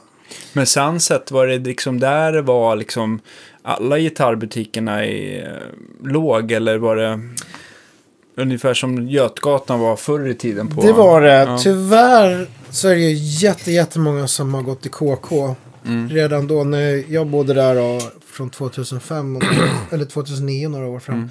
För jag har varit i Los Angeles mycket innan. Ja. Eh, och där i slutet på 90-talet då var det ju fantastiskt. Då låg ju alla de här. Mm. Mesa Boogie och Carvin och så, och så massor med småbutiker. Ja, Vintage. Guitars hette väl någon. Och så vidare. Det var ju, fan, man kunde komma in där och det var ju hyllmeter med vintagepedaler. Och, Mm. och eh, underbart var det. Men de, där- de gick omkull allihopa. Så att det Det, var, blir, det blir väl så, det blir för höga hyror. Det är väl samma sak här Ja. i Stockholm. Det är ju, allting flyttar ut till... Till Hägersten hit. Hägersten. Ja. Ja, men det är precis som du säger, alltså, det var ju en fröjd. Jag har inte bott i Stockholm mer än några år, men på 90-talet och så här 80-talet. Det var ju en fröjd att åka till Stockholm och gå just som du säger i Ja. Götgatan. Jag gjorde det alla mina skollov. Ja. Jag åkte hälsade på min syster som bodde här. Men det, Ja. Man gick upp och ner. Ja, men eller hur? Självklart är ju hyrorna ett stort problem, men också så här om man ska ha någon, du vet, jag vågar inte ens gissa, men, men bara så här överlåtelse av avgift på en hyreskontrakt på en bra adress. Där På Sunset. ja, ja, men jag, när jag är här i Stockholm, Ja, här det i är Stockholm. liksom... Det är, ändå inte, det är ändå inte en bransch som, som har jättehög omsättning även i de bästa Nej. butikerna om man jämför med andra. och ganska dåliga marginaler om man jämför med Precis, till exempel va? sälja kläder eller Och så ska jag, man ge möbler. polare pris på det. Så, ja, ja, men eh, Ja, så att det, jag, eh, jag drog mig för det. blev Hägersten istället för att det fanns. Men du är ju en sån här som, Annat. jag har ju, det är ju så vi lärde känna varandra. För att jag säga, följt efter dig, vart du än har jobbat så har ju du fixat med mina gitarrer liksom. Så det blir ungefär som du hade, det blir väl så om man är, liksom bra på det man gör så. Så får man, bygger man upp en egen kundkrets. Ja, liksom. just ja. Absolut. Men om man jämför, eh, så här provisionsbiten som jag inte riktigt känner igen från svenska Nej. butiker. Vad, vad tycker du mer så här, verkligen skilde mot svenska musikaffärer mot just de här hur det funkade där borta? Hur fun- jag har ju aldrig jobbat i musikaffär i Sverige så jag vet inte riktigt hur det funkar bakom kulisserna. om man Ja, så- precis, men så- bara men, din, någon, men- någon uppfattning. Eller? Alltså jag vet inte. Just, just där på Guitar Center, naturligtvis var det ju ett klientel som var kul. Man visste Mm. ju aldrig vem som kom in. Nej, Och vill man titta på kändisar när man åker till Hollywood då ska du ju ställa dig en dag på Guitar Center. Det kommer ju både filmstjärnor och, och rockstjärnor. Mm. Men det var ju rätt hårt styrt. Det var ju toppstyrt. Det var ju, du hade ju en, vi hade två pass. Antingen jobbade morgonpasset då till eftermiddagen. Eller börja på eftermiddagen och jobba till kvällen. Och varje pass har ju en, en genomgång helt enkelt med en av butiksmanagerna just det. att idag gäller det här och det här, eller tänk på det här och det här och vi har fått in de här grejerna, försök sälja dem eller ehm, igår hände det här, det här får absolut inte hända igen. Eller den här killen sålde de här prylarna igår och applåd till honom och Ja, just det. så det var lite Peptalk både peptalk men ibland kunde det vara lite piska också, eller rätt ofta var det piska faktiskt. Ja. Ni måste Men- sälja mer. Så Ja, Men, men hade du som gitarrsäljare något inflytande på vad som skulle tas in eller var det för toppstyrt för det? Liksom? Absolut inte, Nej. inte det minsta. Jag gillar det här, ta gärna in det igen. Nej, det, är det, Nej, nej, nej. Han har ingenting att säga till om. Överlag så känns USA mycket mer hierarkiskt än vad Väldigt. Sverige och Skandinavien är. Och det är också väldigt mycket vik- viktigare med titlar och hierarki och liksom. ja, och sen så ifrågasätter man inte den som är över va? Man har ju man Nej, själv fått nej. erfara när det kom någon på Deluxe där från eh, något, något, eh, något kontor i England. Inte som liksom jobbar i Deluxe-koncernen, men man märkte att det var någon högt uppsatt chef Så- där. De tyckte att det var väldigt konstigt att man sa vad man tyckte helt plötsligt. Ja. Som, som, som, Ja, men så är det. Och det märkte ni med, alltså i kassan, datasystemet där, då hade du olika level. Så level 6, då var det då, alltså en manager, då får du godkänna vad som helst i princip. Och sen så hade du olika levels under då, så i början när du började jobba, de första veckorna var det väl, det gick rätt fort för mig tror jag, men då får du inte ens godkänna en, en transaktion. Alltså om du säljer en gitarr, Då måste någon stå bredvid. Typ. då måste en manager stå bredvid och, och godkänna det här köpet. Och sen så efter ett tag då när det blivit hype på det här, då får, du- hamnar du på level 1. Då får du godkänna dina egna köp och sådär.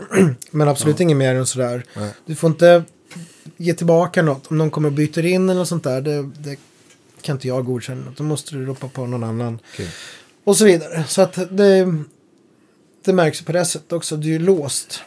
Fick du, fick du eh, rabatt för egen del om du behövde Ja, stänga och sånt där? Absolut. Eller? Ja, Ja, det var alla, som generöst jobbar, så. ja, Mm. alla som är på Guitar Center, rätt stor rabatt faktiskt. Ja.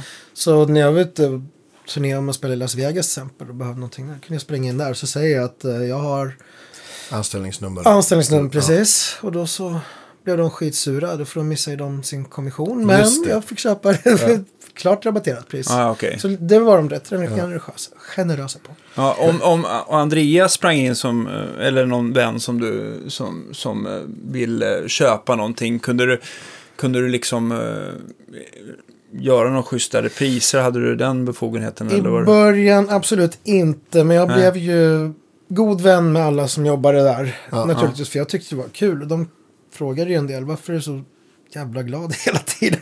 och så sa jag det. Ja, det är Hollywood happiness. För att Ja. det här kunde inte jag fatta när jag var 16 att jag skulle jobba här. Liksom. Så, du kanske tycker det är slitigt, men jag tycker faktiskt det är skitroligt här. Eh, så efter ett tag så var det ju så att jag kunde ju gå och så lärde man ju känna vilka managers på, på golvet är de lättaste att jobba med. En del, Mm. en del kunde vara lite så här, by the book, liksom Mm. paragrafryttare, men en del bara, ja men fan, klart vi löser det där. Mm. Och då kunde det ju vara så att, du det här är faktiskt en god vän till mig, liksom, man ska köpa den här gitarren. Kan vi dra av 50 dollar på det? Mm. Ja, absolut inga problem. Men samtidigt så är det, det är min kommission som ryker då. Mm. Alltså, Så fort du ger någonting rabatt, desto mindre procent känner jag. Men det struntar jag i. Mm. Så det kunde jag göra. Absolut. Och, och det hände, Kent var ju där och spelade in en skiva. Och då så ringde ju faktiskt, de, det är gamla kompisar till mig från Eskilstuna. Så då ringde ju deras gitarrtech, eller först då det Martin, deras gamla manager.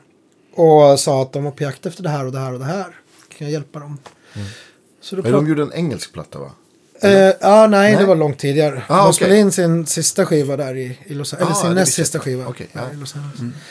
Eh, så då gick jag till vinstavdelningen och bad dem hjälpa mig och, och ratta ihop lite grejer och så vidare. Så Ja. köpte de det genom dem. Så det var liksom... Så då kunde jag, då sa jag det till honom. De storbeställningarna med vinstperioder fick inte jag ta hand om. Men då så sa jag då till han, killen som jag gav jobbet att nu får du det här jobbet av mig. Så ge dem lite rabatt från en polare och sen så vill jag ha lite på ehm, kommissionen där. För så kunde man ju göra också. Men ehm, ja, och sen nej, men så det gick absolut att ge rabatt. Sådär. Ja. Men i, inte i början. Nej. Nej. Funkar det bra med att kombinera och vara iväg och spela sådär? Och... Ja, det gjorde det absolut. Bara man sa till i förväg. Men det hände ju faktiskt att jag kunde få ett gig sådär på dagen. Ja. Bara, God damn it, jag vill inte lösa det här giget. Liksom. Och det är ikväll och jag jobbar till tio. Ja. Jag måste dra åtta. Så fick Aha, jag gå upp och men- smöra för chefen. Du, eh, Ja. och då kollar han, ja men det är de här som jobbar idag, ja, ja men det är lugnt, det löser sig. Eller också så här, ja visst, kan du ringa in någon annan och så byter ni skift. Det kunde man göra. Okej. Men, eh, men vad var öppettiderna då? Var det, var det 10 till 10 eller vad? Ja, det var det va? Eller 10, nej, 10 till 9. Jag kommer inte ihåg, 10 till 10 eller 10 till 9. Ja, ja okej. Men ja, generösa öppettider i alla fall. Ja. Så som sagt, vi var ju två skift hela tiden. Ja. Men det var kul. Många, ja, som jag berättade för dig, många, många roliga människor som kom in. Jag jobbade eftermiddag en gång så satt vi på kontoret då och hade sån här peptalk. Och så hörde vi nerifrån, för under oss så stod liksom studio, uh, var studioavdelningen. Så hörde vi att någon spelade munspel och det lät så bra. Så var det någon som det låter ju precis som Stevie Wonder. så jag tittade ner. ja, det är Stevie Wonder. Då stod han där nere och testade munspel. Coolt. ja, Ja, ja, det var rätt shit, kul. alltså.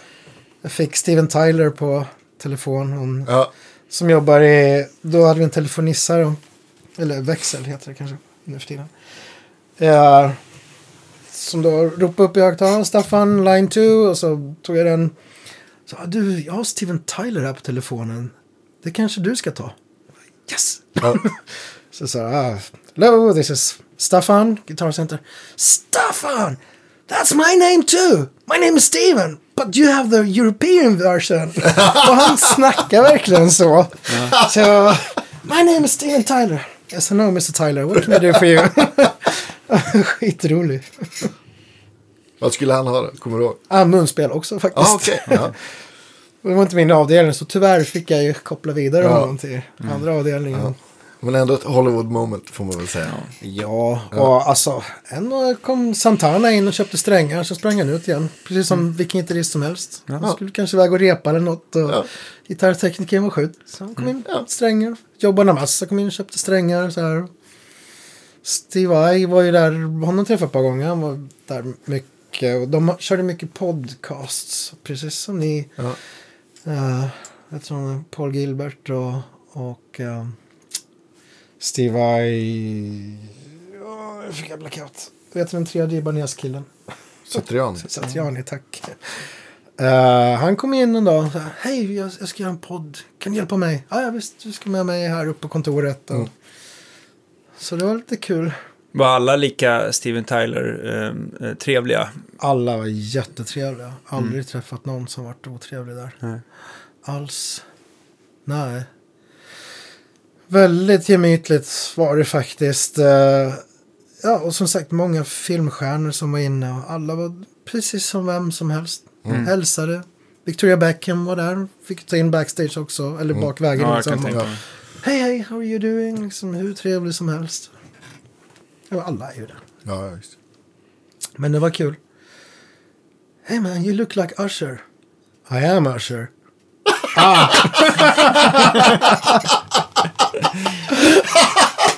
Aldrig någon som tog illa Vad roligt. Ja, det, det, det var inte jag, det var en kollega till mig. Ja, Jag ser det.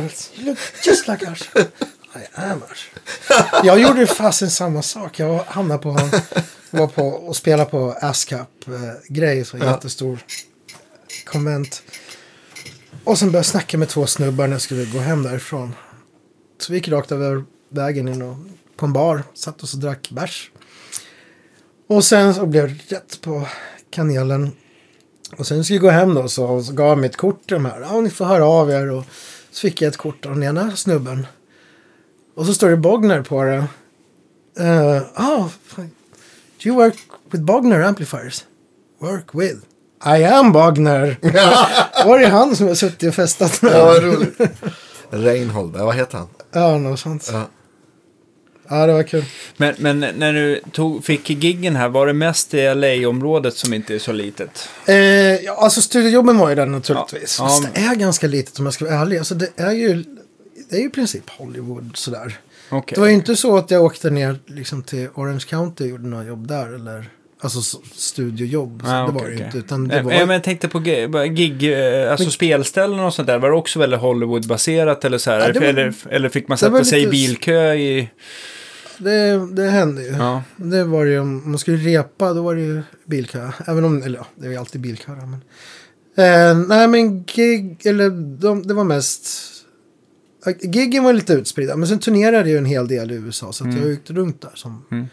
Gjorde en månads turné. eh, en, en trio. Då var vi förband till Steven Adler från Guns N' Roses. Då åkte vi runt i USA en månad. Så det var mycket Midwest och ut på ostkusten och sådär. Så det var... Det var roligt. Blev man kompis med honom. Har lite Guns Stories misstänker jag. Eh, ja... Nej, Eller, prata nej. inte direkt Men om han, det. men han, men kanske han inte. är inte med i reunion nu va? Nej, han har gjort några, några framträdanden med dem. Okej. Jag vet att Slash var ju rätt ledsen. Det var väl samma sak som, som med Black Sabbath. De ville ju egentligen ha originaltrummisen. Men de var lite för trasiga för att göra det. Märkte du att han var trasig också? Han var väldigt bra då faktiskt. Ehm, Mm. Och uh, otroligt trevlig. Kanske den snällaste människa jag träffat. Eh, och spelade jättebra. Det var verkligen, han spelade ju klassiskt tidig Guns N' Roses. Ja, just det. Just det. Men eh, det är nog skillnad på det där mot att åka världen runt konstant och köra Guns N' Roses. Det här var ju liksom buss, busstour. Sen eh, vet jag väl att efter de här turnéerna så tror jag att det har varit lite jobbiga perioder för honom innan eh, Guns N' Roses Ja. återföreningen. Så jag vet inte riktigt hur det var med honom då. Men, men när, när jag turnerade med honom var han ju kanon. Kul, förlåt, det bara ringer här. Ja, men vi har, vi har ju en podcast som håller på att styras upp i Ja, eftermiddag här och det är massa grejer som jag inte kan svara på. Ja, Ja. men... ehm, Men, Men vad eh, spelade du med dem? Eh, då spelade jag med en snubbe som heter Willie Bass. Han Okej. gick bort nu rätt nyligen tyvärr. Eh, han hade, jag spelade mång, mycket med de här gamla 80-tals hårdrockarna från, från eh, LA. Fan vad kul. Ja, den här snubben han hade ett band på 80-talet som hette Black Sheep. Och de kommer aldrig riktigt så långt. Utan på den tiden, det berättar flera om här, att många av de här, de var ju superstars på Sunset Strip. Och, och det var deras värld. Ja. De brydde sig aldrig riktigt om att bli riktigt stora. Så Så Ja, det de var ju några som ja, bröt just sig det. ut. Det var ju liksom Mötley Crüe och, och Poison och Warrant och de här. Det var några stycken. Men de flesta, de var ju så glada i det där. De sprang runt där och hade det gött. Ja. Och sen helt plötsligt så boom. Så, Fanns det inte längre. Så fanns det inte längre, precis. Och då var, fanns det inga pengar heller. Så att, Nej. men Willie Bass då, han hade ett band som hette Black Sheep. Där hade han faktiskt Slash på gitarr. Eh, en gång i tiden då, innan Guns N' Roses. Sen spelade han in någonting då med, med George Lynch också. Och sådär. Och sen ehm, så gjorde han en turné med mig då. Och det var faktiskt rätt roligt. Vi giggade någonstans och gjorde soundcheck. Så kommer det fram en snubbe till mig. Hi, I need to shake your hand. Uh, Okej, hej hej. Så, nice. It's an honor to meet you, you're a legend. Så, Jaha, Ty- tycker du? Trevligt. Tror inte det. Du. Jaha, what's my name? Så, oh, what do you mean? You're George Lynch. Ja, tack för komplimangen. Det- är jag ju faktiskt inte. Och så gammal är jag inte heller. Tack så mycket. Men det var Ja, vad kul. lustigt alltså. En fantastisk gitarrist by the way. Ja, verkligen. Det här var ju innan gigget och så efter gigget så tror jag inte han hade tyckt det. Jo då. Nej men så det... Här måste han ju sett på att du spelar Les Paul. Annars Ja, hade det ju varit någon, precis. någon ESP. reversed ESP med Ja. di- diverse härliga lacker på. Eller... Ja, men sådana turnerar jag med. Så turnerar jag en del med ett annat gammalt 80-talsband som heter Tough. Okej. Och de var ju också ett av de här stora hair metal banden där. De och Poison, de hade ju liksom tävling om vem som kunde ha mest rosa läppstift. Ja. Det luktar ju dejtparfym bara man tittar på planscherna på dem. liksom. Ehm, Men eh, de lirar med. Steve Rochelle där, han har ju ett namn fortfarande. Och han har ju någon... ehm, ja, det låter ju bekant. Varför Han har en webbsajt som heter Metal Sludge eller något sånt här. Okej. Mycket skvaller. Mm. Men han är över i Europa ibland också och spelar med eh, ett tyskt band. Där de kombinerar deras låtar med gamla Tough-låtar. Men de turnerar jag med också. Det var kul. Och sen var jag på G faktiskt att få gig med Steven Adler. För då skulle han ut och turnera med egna låtar. Så då ringde de. Och så gjorde en audition och det var ju kanon och så vidare. Och sen hände ingenting. Så såg jag att de skulle iväg och lira. Så då så pratade jag med gitarristen och sa, Vad hände liksom? Ni hörde aldrig av er. Och då visade det sig att deras jäkla sångare som inte var med då när jag gjorde audition. Han var så bra gitarrist och det visste inte de om i bandet. Jaha, så, Så när han kom tillbaka så tyckte de, "Jaha, jag såg på Facebook ni gör massa auditions till en gitarrist, varför det? Jag kan ju spela gitarr. Va, kan du? Och så visade det sig att han var så här, otroligt grym gitarrist. Jaha, okej. Så att eh, då tyckte de, ja men då är det onödigt att ha två Ja, ja. gitarrister, en som kostar extra pengar. Liksom. Ja, ja. Om man tänker så här. Hur är gagerna där jämfört med här? Så är det samma lika eller om man tänker liksom för ja, men den typen av gig. Så. Den typen av gig, ja, alltså det är nog ganska så lika. Det var...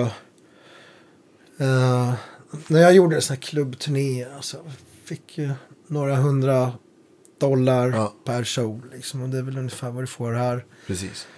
Alltså det är same same but different. Det beror på vem du spelar med och vem som betalar. Jo, men såklart. Mm. Men, Men- nej, det- det var ju det var absolut inte mer. Det, Nej. Snarare tvärtom. Men det finns ju gig där du kan tjäna jättemycket pengar som inte finns i, i Sverige eller ens i Europa. Liksom, på det sättet. var ju liksom. det. Alltså, jag var hela tiden på gränsen till att komma över. Stå med ena foten på tröskeln. Komma över från man säga, små eller halvstora band och artister till de här stora gagen. Ja. Så han, artistchefen, artist relation-chefen på, eller på Guitar Center till exempel, Mm. Dave Weideman, legend, var ju han som startade den här Rock Walk of Fame. Jaha, okej. Honom blev jag ju kompis med naturligtvis. Ja. Eller jag såg ju till att bli kompis med honom. Liksom. Han kom en dag och sa så här, du, eh, jag känner till i din, din historia liksom att du har turnerat mycket med Paul Diano och sådär. Och jag skulle vilja prata med dig. Kan du komma upp på kontoret? Så tänkte jag, okej. Vad ska hända nu? Ja. Han bara, How would you like to tour with Slash? Jag bara, uh, yes please. Och så tänkte fan, jag har aldrig varit något Guns N' Roses-fan. Jag kan inte en enda låt med Guns N' Ja. Roses. Jag sa, ja men jaha, vad, vad gäller det då? Ja, då hade han släppt den här soloplattan då, så det är 2012 va? Eller det. 11. Okej. Och han håller på att sätta upp band sa han. Så han frågade mig om jag känner någon bra kompgitarrist. Och så tänkte jag liksom, du är ju hårdrockare Mm. och svensk. Ja. Svenska bra med rykte där. Ja men herregud, så skojar du? Det är ju vilken dröm. Ja. Ja, men vad bra, då ska jag hälsa dem det. Så, så jag har ditt nummer liksom. Så, så gick det en vecka, så hände ingenting. Och sen så träffade jag honom igen då i affären. Så frågade han, har de ringt liksom från Slash? Så, Nej. Okej, jag ska påminna dem. Naturligtvis har han ju auditions med andra killar liksom. Ja. Men, men jag har tipsat om dig. Så, ja, kanon. Och sen träffade jag honom igen och då sa han, du, äh, så här är det. Slash tog in en sångare från Las Vegas, Miles Kennedy. Han hade ett band där. Så han tog med sin gitarrist. De var ju polare liksom. Så, att, Okej. så det var därför de inte hört av sig.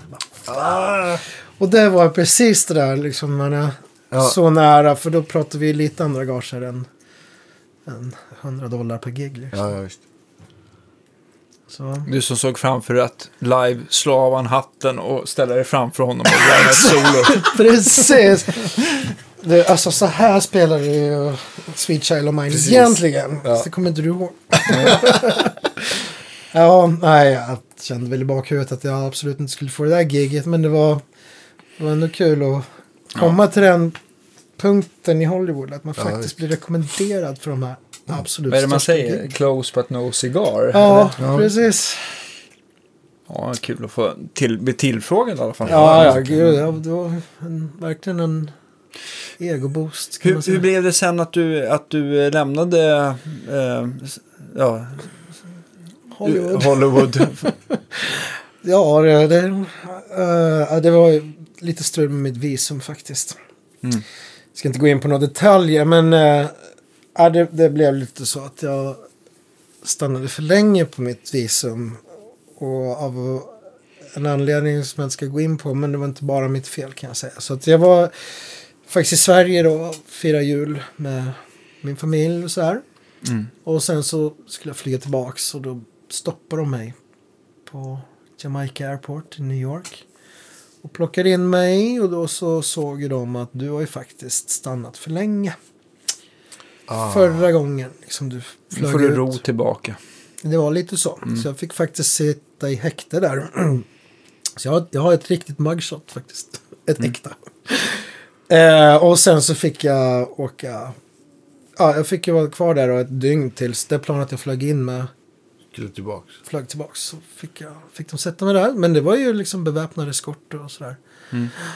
Fast de var jättetrevliga. Det var, det var faktiskt rätt kul. Tyvärr så fick jag inte fota eller filma någonting. Men det Ja. var ju också lite så här Hollywood moment. Det här är inte klokt. Här sitter jag i häkte i New Jersey liksom. Ja, visst.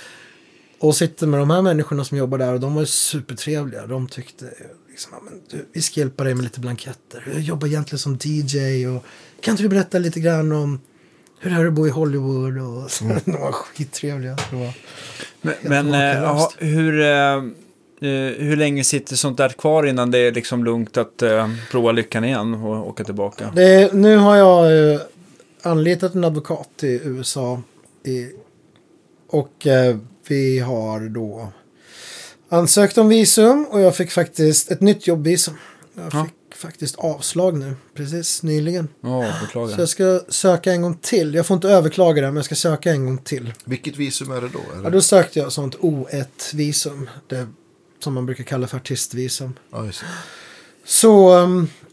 Ehm, men som turist så är det väl tio år tror jag.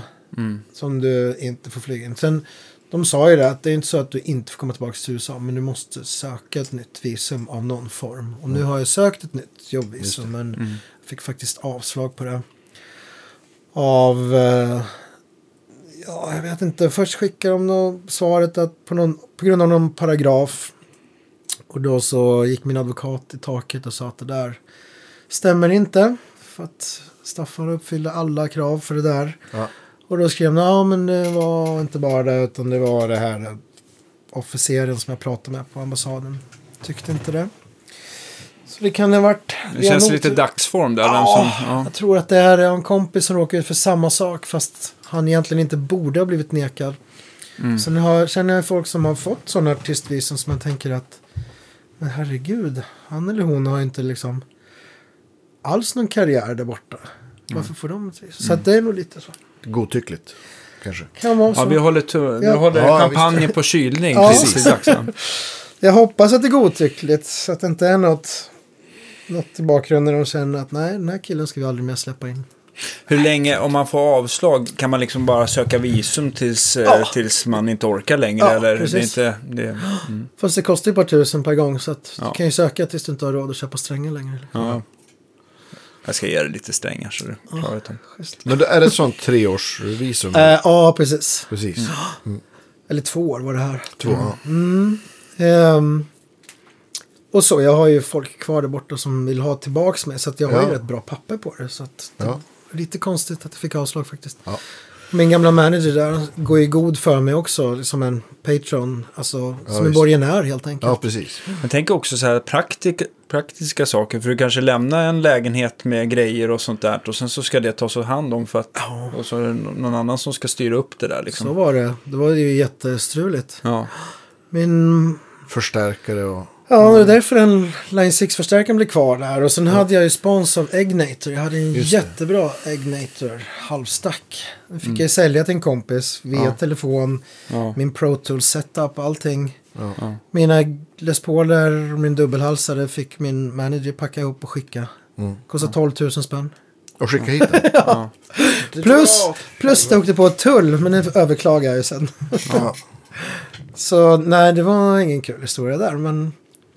What Sen- doesn't kill you makes you stronger. Ja, exakt. Då hamnade Du- jag i Stockholm istället. Men, Ja. En dubbelhalsare är en så här typ SG... eh, Ja, det är faktiskt en SG-kopia Ja. som heter Agile. Eh, Agile säljs väl bara i en enda affär i New York. Eh, de, ja, ganska billiga kopior som är jätte, jättebra. De är väldigt uppskrivna. För jag har haft fem dubbelhalsare tror jag. Ja. jag är så nörd. Eh, och innan jag flyttade till USA, då hade jag ju en Gibson. Eh, ES 1275. Ja. Men jag kunde liksom inte flyga med den så jag sålde det. Jag sålde ju jättemycket prylar innan jag stack dit. Men sen när jag bodde där så ångrade jag mig lite grann. Och då så, jag fick faktiskt en artist eh, relation rabatt eller vad det heter med Gibson. De smörjde jag in mig hos också. Mm. Ehm, men de sa att vi har väldigt få dubbelhalsare så vi kan inte ge dig någon eller ens sälja någon till rabatt. Mm. Och då började jag kolla på lite olika kopior och då hittade jag den här. Mm. Begagnad för några hundra dollar. Den är strålande, den har jag kvar. Ja. Jag, jag har faktiskt, eh, jag fick in en jättemärklig dubbelhalsad här till försäljning som är, som på 60-talet tror jag, så gjorde de en SG fast hollow body dubbelhalsad. Så den har solitt granlock gjort i custom shoppen som bara är, proto, det står prototyp på. Och det enda kända exet. En Gibson? Ja, alltså. precis. Den hänger ute. Ja, jag har den där ute. tuff. Gött, som den är- ska vi kladda på. Ja, Jaha. precis. Men eh, han som jag, jag tar in kommissionsförsäljning. Så att det där, jag, jag tror, eller du får titta på den sen, men jag tror att den kan gå ganska dyrt på kanske Reverb eller Ebay eller någonting sånt Det där. tror jag säkert. Ja. Om man, det finns ju lite collectors där ute i alla fall. Så Ja. vi får se. Absolut. Men eh, du ska få klämma på den. i alla fall. Ja, häftigt. Men dubbelhals, jag misstänker att det är liksom återigen Zeppelin-arvet. Ja, det är ju. Ja. höll Nej, jag jag tror att den här blir liksom. alldeles för gubbig och jazzig för din smak. Men det, ja, Säg inte Men, men, men ska man ha en, en, så, en dubbelhalsad så kan du rekommendera den? Den Agile, den är jättebra. Om man kan hitta Det blir nog svårt att hitta här, för den har Ja. aldrig sålts i Europa vad jag vet. Det är väl i så fall man hittar dem på Ebay. Ja. Eller beställer från den här affären i New York. Ni kommer Ja. inte ihåg vad den heter. Men, Ehm, men den var bra. Alltså det är ju Koreabyggd så här. Ehm, men ja, Har du pillat något med den? Bytt mickar eller? Faktiskt inte. Nej? Däremot så gjorde jag det på Gibson. Den som jag hade innan. Den fick jag pilla på rätt mycket faktiskt. Ja. Ehm, men inte så att jag använder den jätte... Det är bara med de här Led Zeppelin coverbandsspelningarna som jag kör. Ja, men det får du berätta om. om det är ju Ja, ett svinbra band. det är ju mm, med Pontus Snibb då. Mm. Ehm, På trummor. Ja, precis. Vi blev ju väldigt goda vänner 1994. Ja. Innan ni var födda. jag är så van att säga det. Jag var bara två år gammal. Eh, i, I Malmö, för jag, jag pluggade ju där på musikskolan, flyttade Ja. dit 93 från Eskilstuna. Eh, och- då så blev jag presenterad genom en god vän för Pontus, för då sa han, eh, den här polaren om att eh, du som är en sån Jimmy Page-nörd, du måste träffa min kompis Pontus. Han är också sån Led Zeppelin-nörd. så vi blev sammanförda och då så sa vi att men vad kul, vi måste spela ihop. Så då gjorde vi det, tog in kompis från musikhögskolan och Johan Pileke, otroligt duktig sångare. Och han tog in sin basistkompis där från musikgymnasiet. Och så började vi jamma lite och det var ju liksom klick på en gång. Så då startade vi ett coverband på den tiden då. Där vi blandade, vi körde inte bara Zeppelin, det var allt möjligt. Det, klassiska. Lite Whitesnake, lite Deep Purple och Jimi Hendrix och Cream och sånt där. Eh, och det där körde vi hela 90-talet där, mycket klubbspelningar då nere i Malmö. Det var väldigt bra musikliv i Malmö på 90-talet, måste jag säga. Eh, och sen, ja, sen blev det bara Led Zeppelin. Vi tyckte att vi, vi går in på det.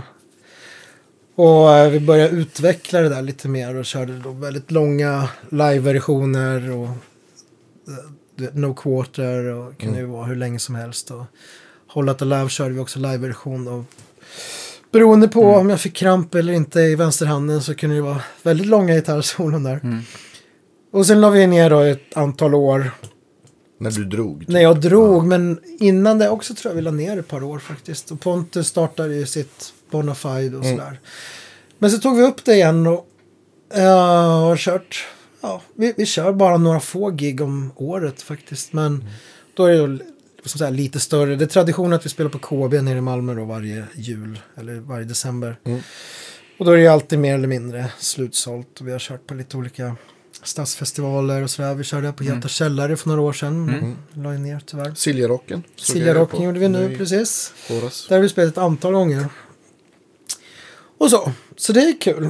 Det är kul. Jag tänker på så här Led Zeppelin som är liksom inte bara Jimmy Page och Robert Plant utan jag tycker även Bonham. Och John Paul Jones, ja herregud. Ja men alltså det är så himla, de, de, alla är viktiga för att få, få, äh, alltså, få det bandet att låta unikt eller, eller så jäkla bra. Men det var därför som vi klickade sådant, jag och, och Pontus då från början. För att han är ju... Vad ska man säga? Han är lika bra på... Härma ska jag inte säga, men han, han låter ju som Bonham på samma sätt som jag läser mig med Page. Därför att det är ju det som vi båda två har vuxit upp med. alltså, Och efterapat på något sätt. Och sen några år senare så visade det sig att Pontus var en otroligt duktig gitarrist. Alldeles för duktig. Och, och alldeles för duktig sångare också. Ja, han är grym på alla. Sverige, ja, Sveriges. Dave Grohl fast bättre på Ja, alla tre. Mm. instrument om man får säga så. Instämmer. Men för mig har han ju alltid varit min trummis. Ja, Så. Ehm, nej men sådär och, och, och, där, och sen så då för några år sedan så tog vi in Sampo på bas. Vi har haft några olika basister. Hade Micke Nilsson, men han fick också Malmö-kille, men han fick hoppa av för han turnerade så mycket med Dan Baird. Eh, så tog vi in Sampo. Och där då, utifrån det här kommer ju då From the Sky också. Precis, Pontus kände ju det efter så många år med Bonafide att han var sugen på att spela trummor igen, liksom i ett originalband. Och sjunga. Och då så blev det då vapendragarna från Zeppelin-bandet helt enkelt. Så. Men eh, så är det ju med Led Zeppelin, liksom att det måste, alla, alla komponenter måste ju vara rätt om det ska låta okej. precis. Ja, men det... Jag såg ert, var det ert första gig där på Siljarocken också? Med From the Sky, eller? Ja, Ja. det enda. Vi har inte Det, ligger något mer. ja. Det var Det var- otroligt bra. Det var verkligen Ja, svin, eh, svinbra. Så det, det, det jag man ser ju- fram emot platta och få kanske ett release-gig här i stan Ja som man kan komma på. Absolut. Ja, nu ska vi göra promota lite. Ja, grann. men definitivt. Du pratade förut om, och vi har pratat om det också, du har skaffat en sån här, eh, den minsta Line 6 Helix, vad Ja, heter den, HX Stomp? HX Stomp. Ja, Precis, för att eh, jag är ju sån här. Jag spelar ju i fem olika tributeband tror jag. Och det blir mycket, mycket flyouts och mycket tågouts, trainouts. Tåg out, Tåg dagens ord. Jag tillbringar väldigt mycket tid på Arlanda och på Stockholm central. ja. Eh, men framförallt då, med, jag spelar i ett av de här stora ABBA-banden. Arrival och du kör ju Visitors. Och det är ju i princip bara utlandsspelningar med det. Och eh, då måste man ha en lite smart rigg. Så jag köpte den här Helix Stomp då för inte så länge sedan. Mm. Och den kör jag rakt ut i P8 helt enkelt. Jag tänker just på ABBA, hur många sound behöver man ha programmerat egentligen? Det beror ju på hur ambitiös man är. Ja, ja, klarar man sig på två eller behöver man 18? Jag kör så här. Nu vet vi har förmodligen sam, mer eller mindre samma repertoar. Ja, Men- förmodligen. Det är ju, om man kör låten That's Me till exempel. Där ligger ju sån envelope-filter på originalet. Jag vet inte om det är Welander eller Schaffer som lirar. Jag skulle gissa på att det är Welander. Ja, jag vet faktiskt inte. Nej, så där har jag då ett clean sound då som är typ Fender Twin. Och sen så har jag då den och sen så är det ju på en, en låt där ligger ett tremolo på, på den rena gitarren. Så det har jag. Annars är den rena gitarren ren. Men då har jag lagt dit en lite, lite doubling-effekt på det. Därför att de dubbar ju i princip alla gitarrer. Ja. Så att, så att det blir lite, lite bredare. Inte så att du får någon choruseffekt direkt, utan bara lite, lite. Och sen så är det dist-ljud och... eh, är det något mer? Jo, det är ett slide-intro faktiskt. Ligger en facer på. Jaha, vilken låt då? Eh, vad heter den? Nu har vi klämt in Du den. spetsar öronen. Ja. Ja. Ja. Jag har klämt in den i ett medley. Mm. Gud, vad heter Jag kommer inte ihåg vad den heter nu, men... Ja, det är så här subtilt, man hör det Ja. knappt. Alltså, men... Är man nörd så är man. Ja, men visst. Eh, och sen... Nej, sen är det ju bara liksom en crunchy distgitarr. Och, eh, och sen så då har jag ett långt solo i en låt och då klämmer på lite mer dist och sen Ja. så ett, ett Ecoplex Ja. tape delay. Så att det är ju väldigt få ljud. I, I princip är det ju bara ett rent och ett crunchigt. Liksom. Precis. Ja, ja. Så det är ganska enkelt. Men det verkar ju otroligt eh, smart och lättrattat. Du är ju inte, du är inte den enda som har valt den här Helix-lösningen. Fantastiskt. Den där är ju så liten också. Jag är lite sugen själv. Faktiskt. Ja, men det är bekvämt när man flyger iväg så här så kommer man med gitarriggen. Den har jag i den här lilla Ja, visst. herrhandväskan faktiskt. Men, men har du så att du steppar upp och ner på program då? Eller hur har du löst själva? För den har ju tre knappar bara. ja, jag har köpt till då en dubbel footswitch. Okej, för att banka upp och ner eller? Eh, ja, ja, jag kör ju stomp mode mest. Ah, okej. Eftersom jag är lite så här analog man som använder digitala grejer. Mm, så Även mitt vanliga pedalbord är ju mycket digitala grejer. Men jag använder dem alltid som Enstaka gamla pedaler. Ja. Så det kör jag och sen så då har jag den ena extra footswitchen som stämapparat. Och den andra alltså växlar mellan stomp mode preset eller det här eh, vad heter det, snapshot. Just det. var Basse Blyberg som gav mig det. Vad är det för, tipset. för uh, fotpedal då? Det är den här Bossen FS, Ja, just det. vet ja. du? FS någonting. Ja. Med, med två switches som är på, på varandra liksom. ja, exakt. Så den tar ju inte heller smart. någon plats. Liksom. Eh, så så har jag lagt upp det.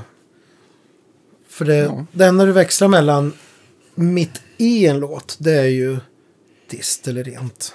Ja. Så den låten som, är, som det ligger ett tremolo på och den som det ligger ett sån här auto kluck på.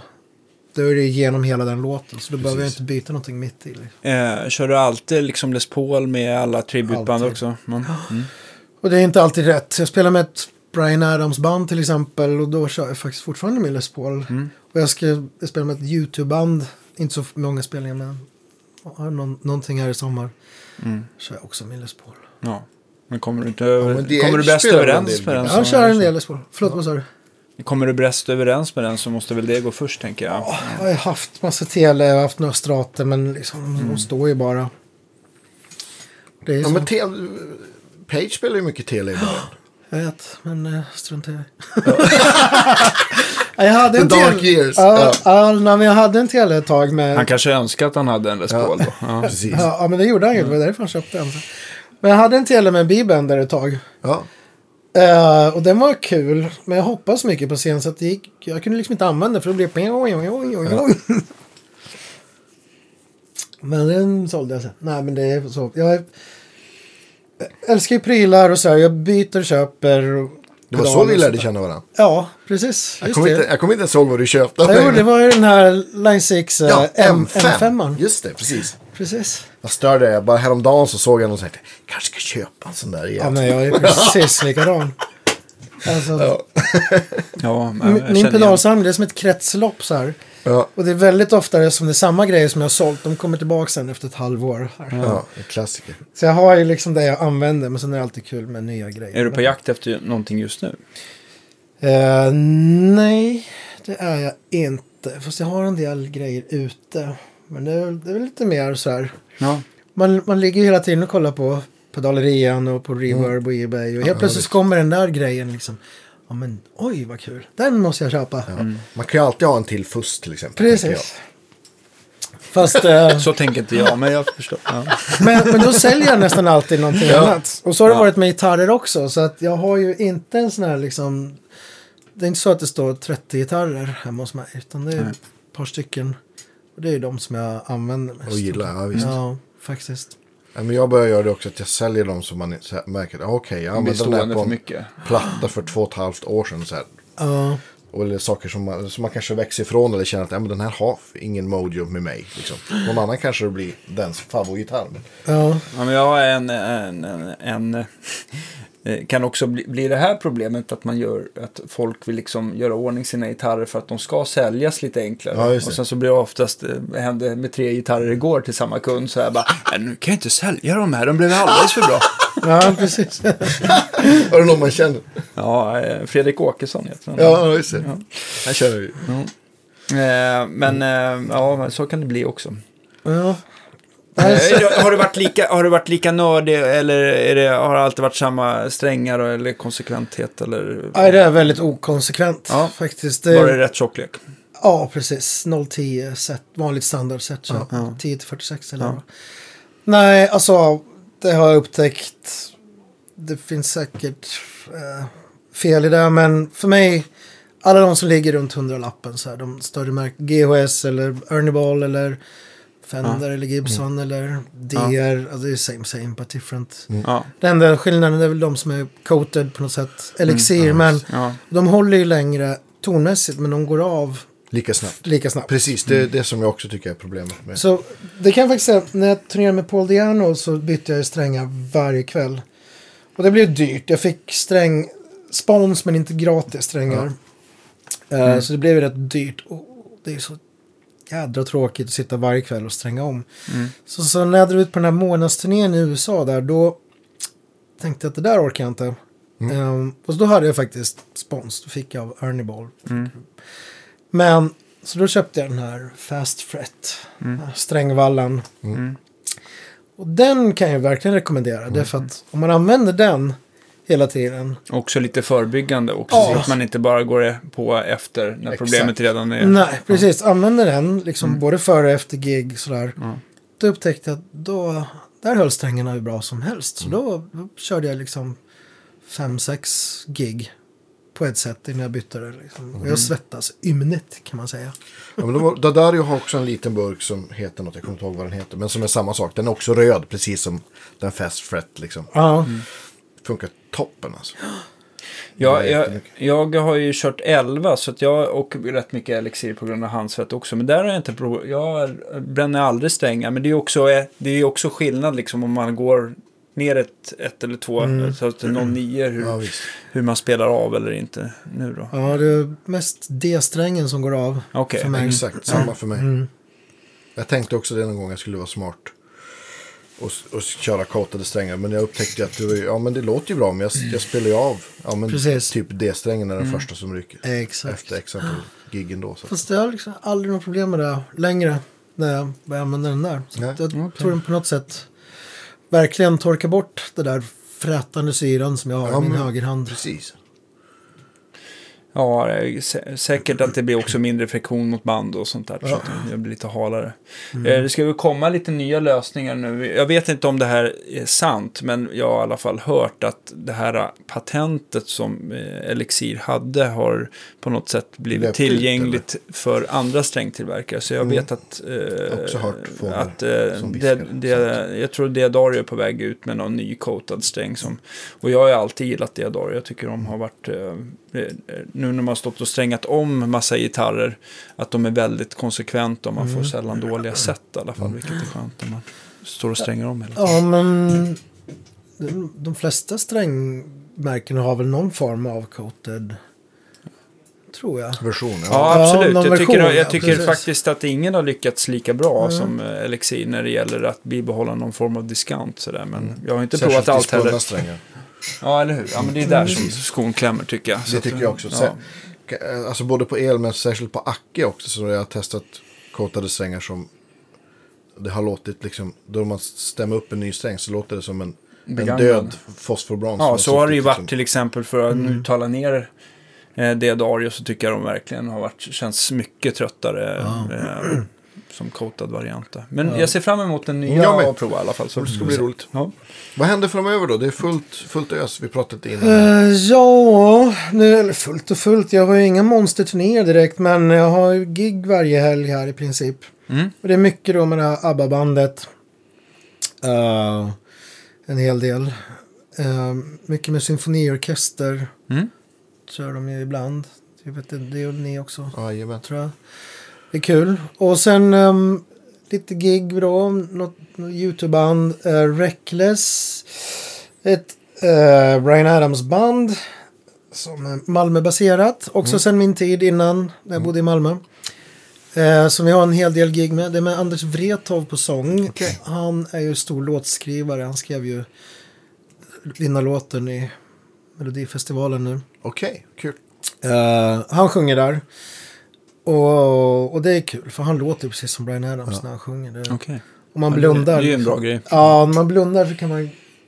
Du kan inte tro att det inte är Brian Adams som sjunger där. Det är, Det är ju sjukt kul att spela. Ja, och du spelar också med, med, Ja, precis. med Jamie där. Ja, men precis. Jag såg er också. Det, var, ja. det, är- det är precis som du säger, det är så jäkla kul att spela Brian Adams-låtar. Ja, det är det. Alla låtar är bra och de är... Är det ingen som är tråkig att spela? Jo, det är väl den här Robin Hood-balladen. Ja, men exakt. Everything I do. exakt. Som jag antar att ni inte kommer undan. Nej. Nej, det gör jag inte. Den är tråkig, men annars är det, annars är det bra. Ja, det är det. Kul. Kom på, jag måste messa Jim, Jamie om lite Ja. låtförslag. här. du spelar inte Kids Wanna Rock till exempel. Hur Den kan- kör vi. Ja. Då kör vi gitarrduell till och med. Åh, bra. Mycket bra. För han Anders är ju en extremt bra gitarrist med. Ja, ja, vad kul. Lite, lite för skojs skull så här. Ja. Men med From the Sky så, Så är länge det... man segrar så är det ju bra. Ja, Ja. ja. ja. Och Man kan- om jag man- inte segrar så häller jag ju laxermedel i hans vatten. Naturligtvis. Så då segrar du ändå. Ja. Ja, men kan man hoppas på att det kanske kommer något till höst eller tidig vår eller Ja, med lite tur? men From the Sky, ja men Ja. absolut, det är ju tanken att det ska släppas någon gång här i, i höst. Men som sagt, det beror på lite grann, vi ska shoppa runt. Vi vill ju ha någon annan som tar hand om det där Ja, absolut. arbetet som är tråkigt utanför att Ja. ha spelat gitarr och producerat. Liksom. Men det är väldigt få Mixat. som är bäst på allt. Nej, det, det är Precis. svårt att få tiden att räcka till. Det är ju så. Det finns en anledning till att man har en revisor och att alla fönsterkuvert hamnar på hög. Precis. Eller hur? Ja, klarar inte av sånt. Eh, så det är, får vi se, men det, det är ju tanken i alla fall. Och eh, sen tar vi det efter det. Vi ska liksom inte försöka boka gig utan att någon känner till oss, förutom Nej. vår egen kompiskrets. Så, så. Eh, och vi vill ju som sagt inte släppa skivan liksom på eget bevåg, för att då blir det lätt sådär att man får lite uppmärksamhet av polarna och sen så drunknar det lätt. Framförallt som alla är så upptagna i olika Ja, ja, andra band. Liksom, så att ingen av oss har varken lust eller tid att ta tag i det där. Nej. Så det ska vi försöka få någon annan att göra eller något bolag eller Mm. sådär. Du får i alla fall höra av dig sen när det är dags att Ja, men då ska Ja, vi lägga ut. Jag som har förmånen och kan lyssna på skivan redan nu kan ju säga att det är svinbra. Både, Det kommer bli en kioskbälte. Ja, alltså gillar man klassisk rock så kommer man älska det. Om man, men jag hörde ni pratade om, eller vi pratade om Rival Sons innan. Här. Och jag är ju jättesvag för all rock som låter som det lät förut. Så. Gillar man det så kommer man älska det här. Ja. Tror jag. Eller det vet jag.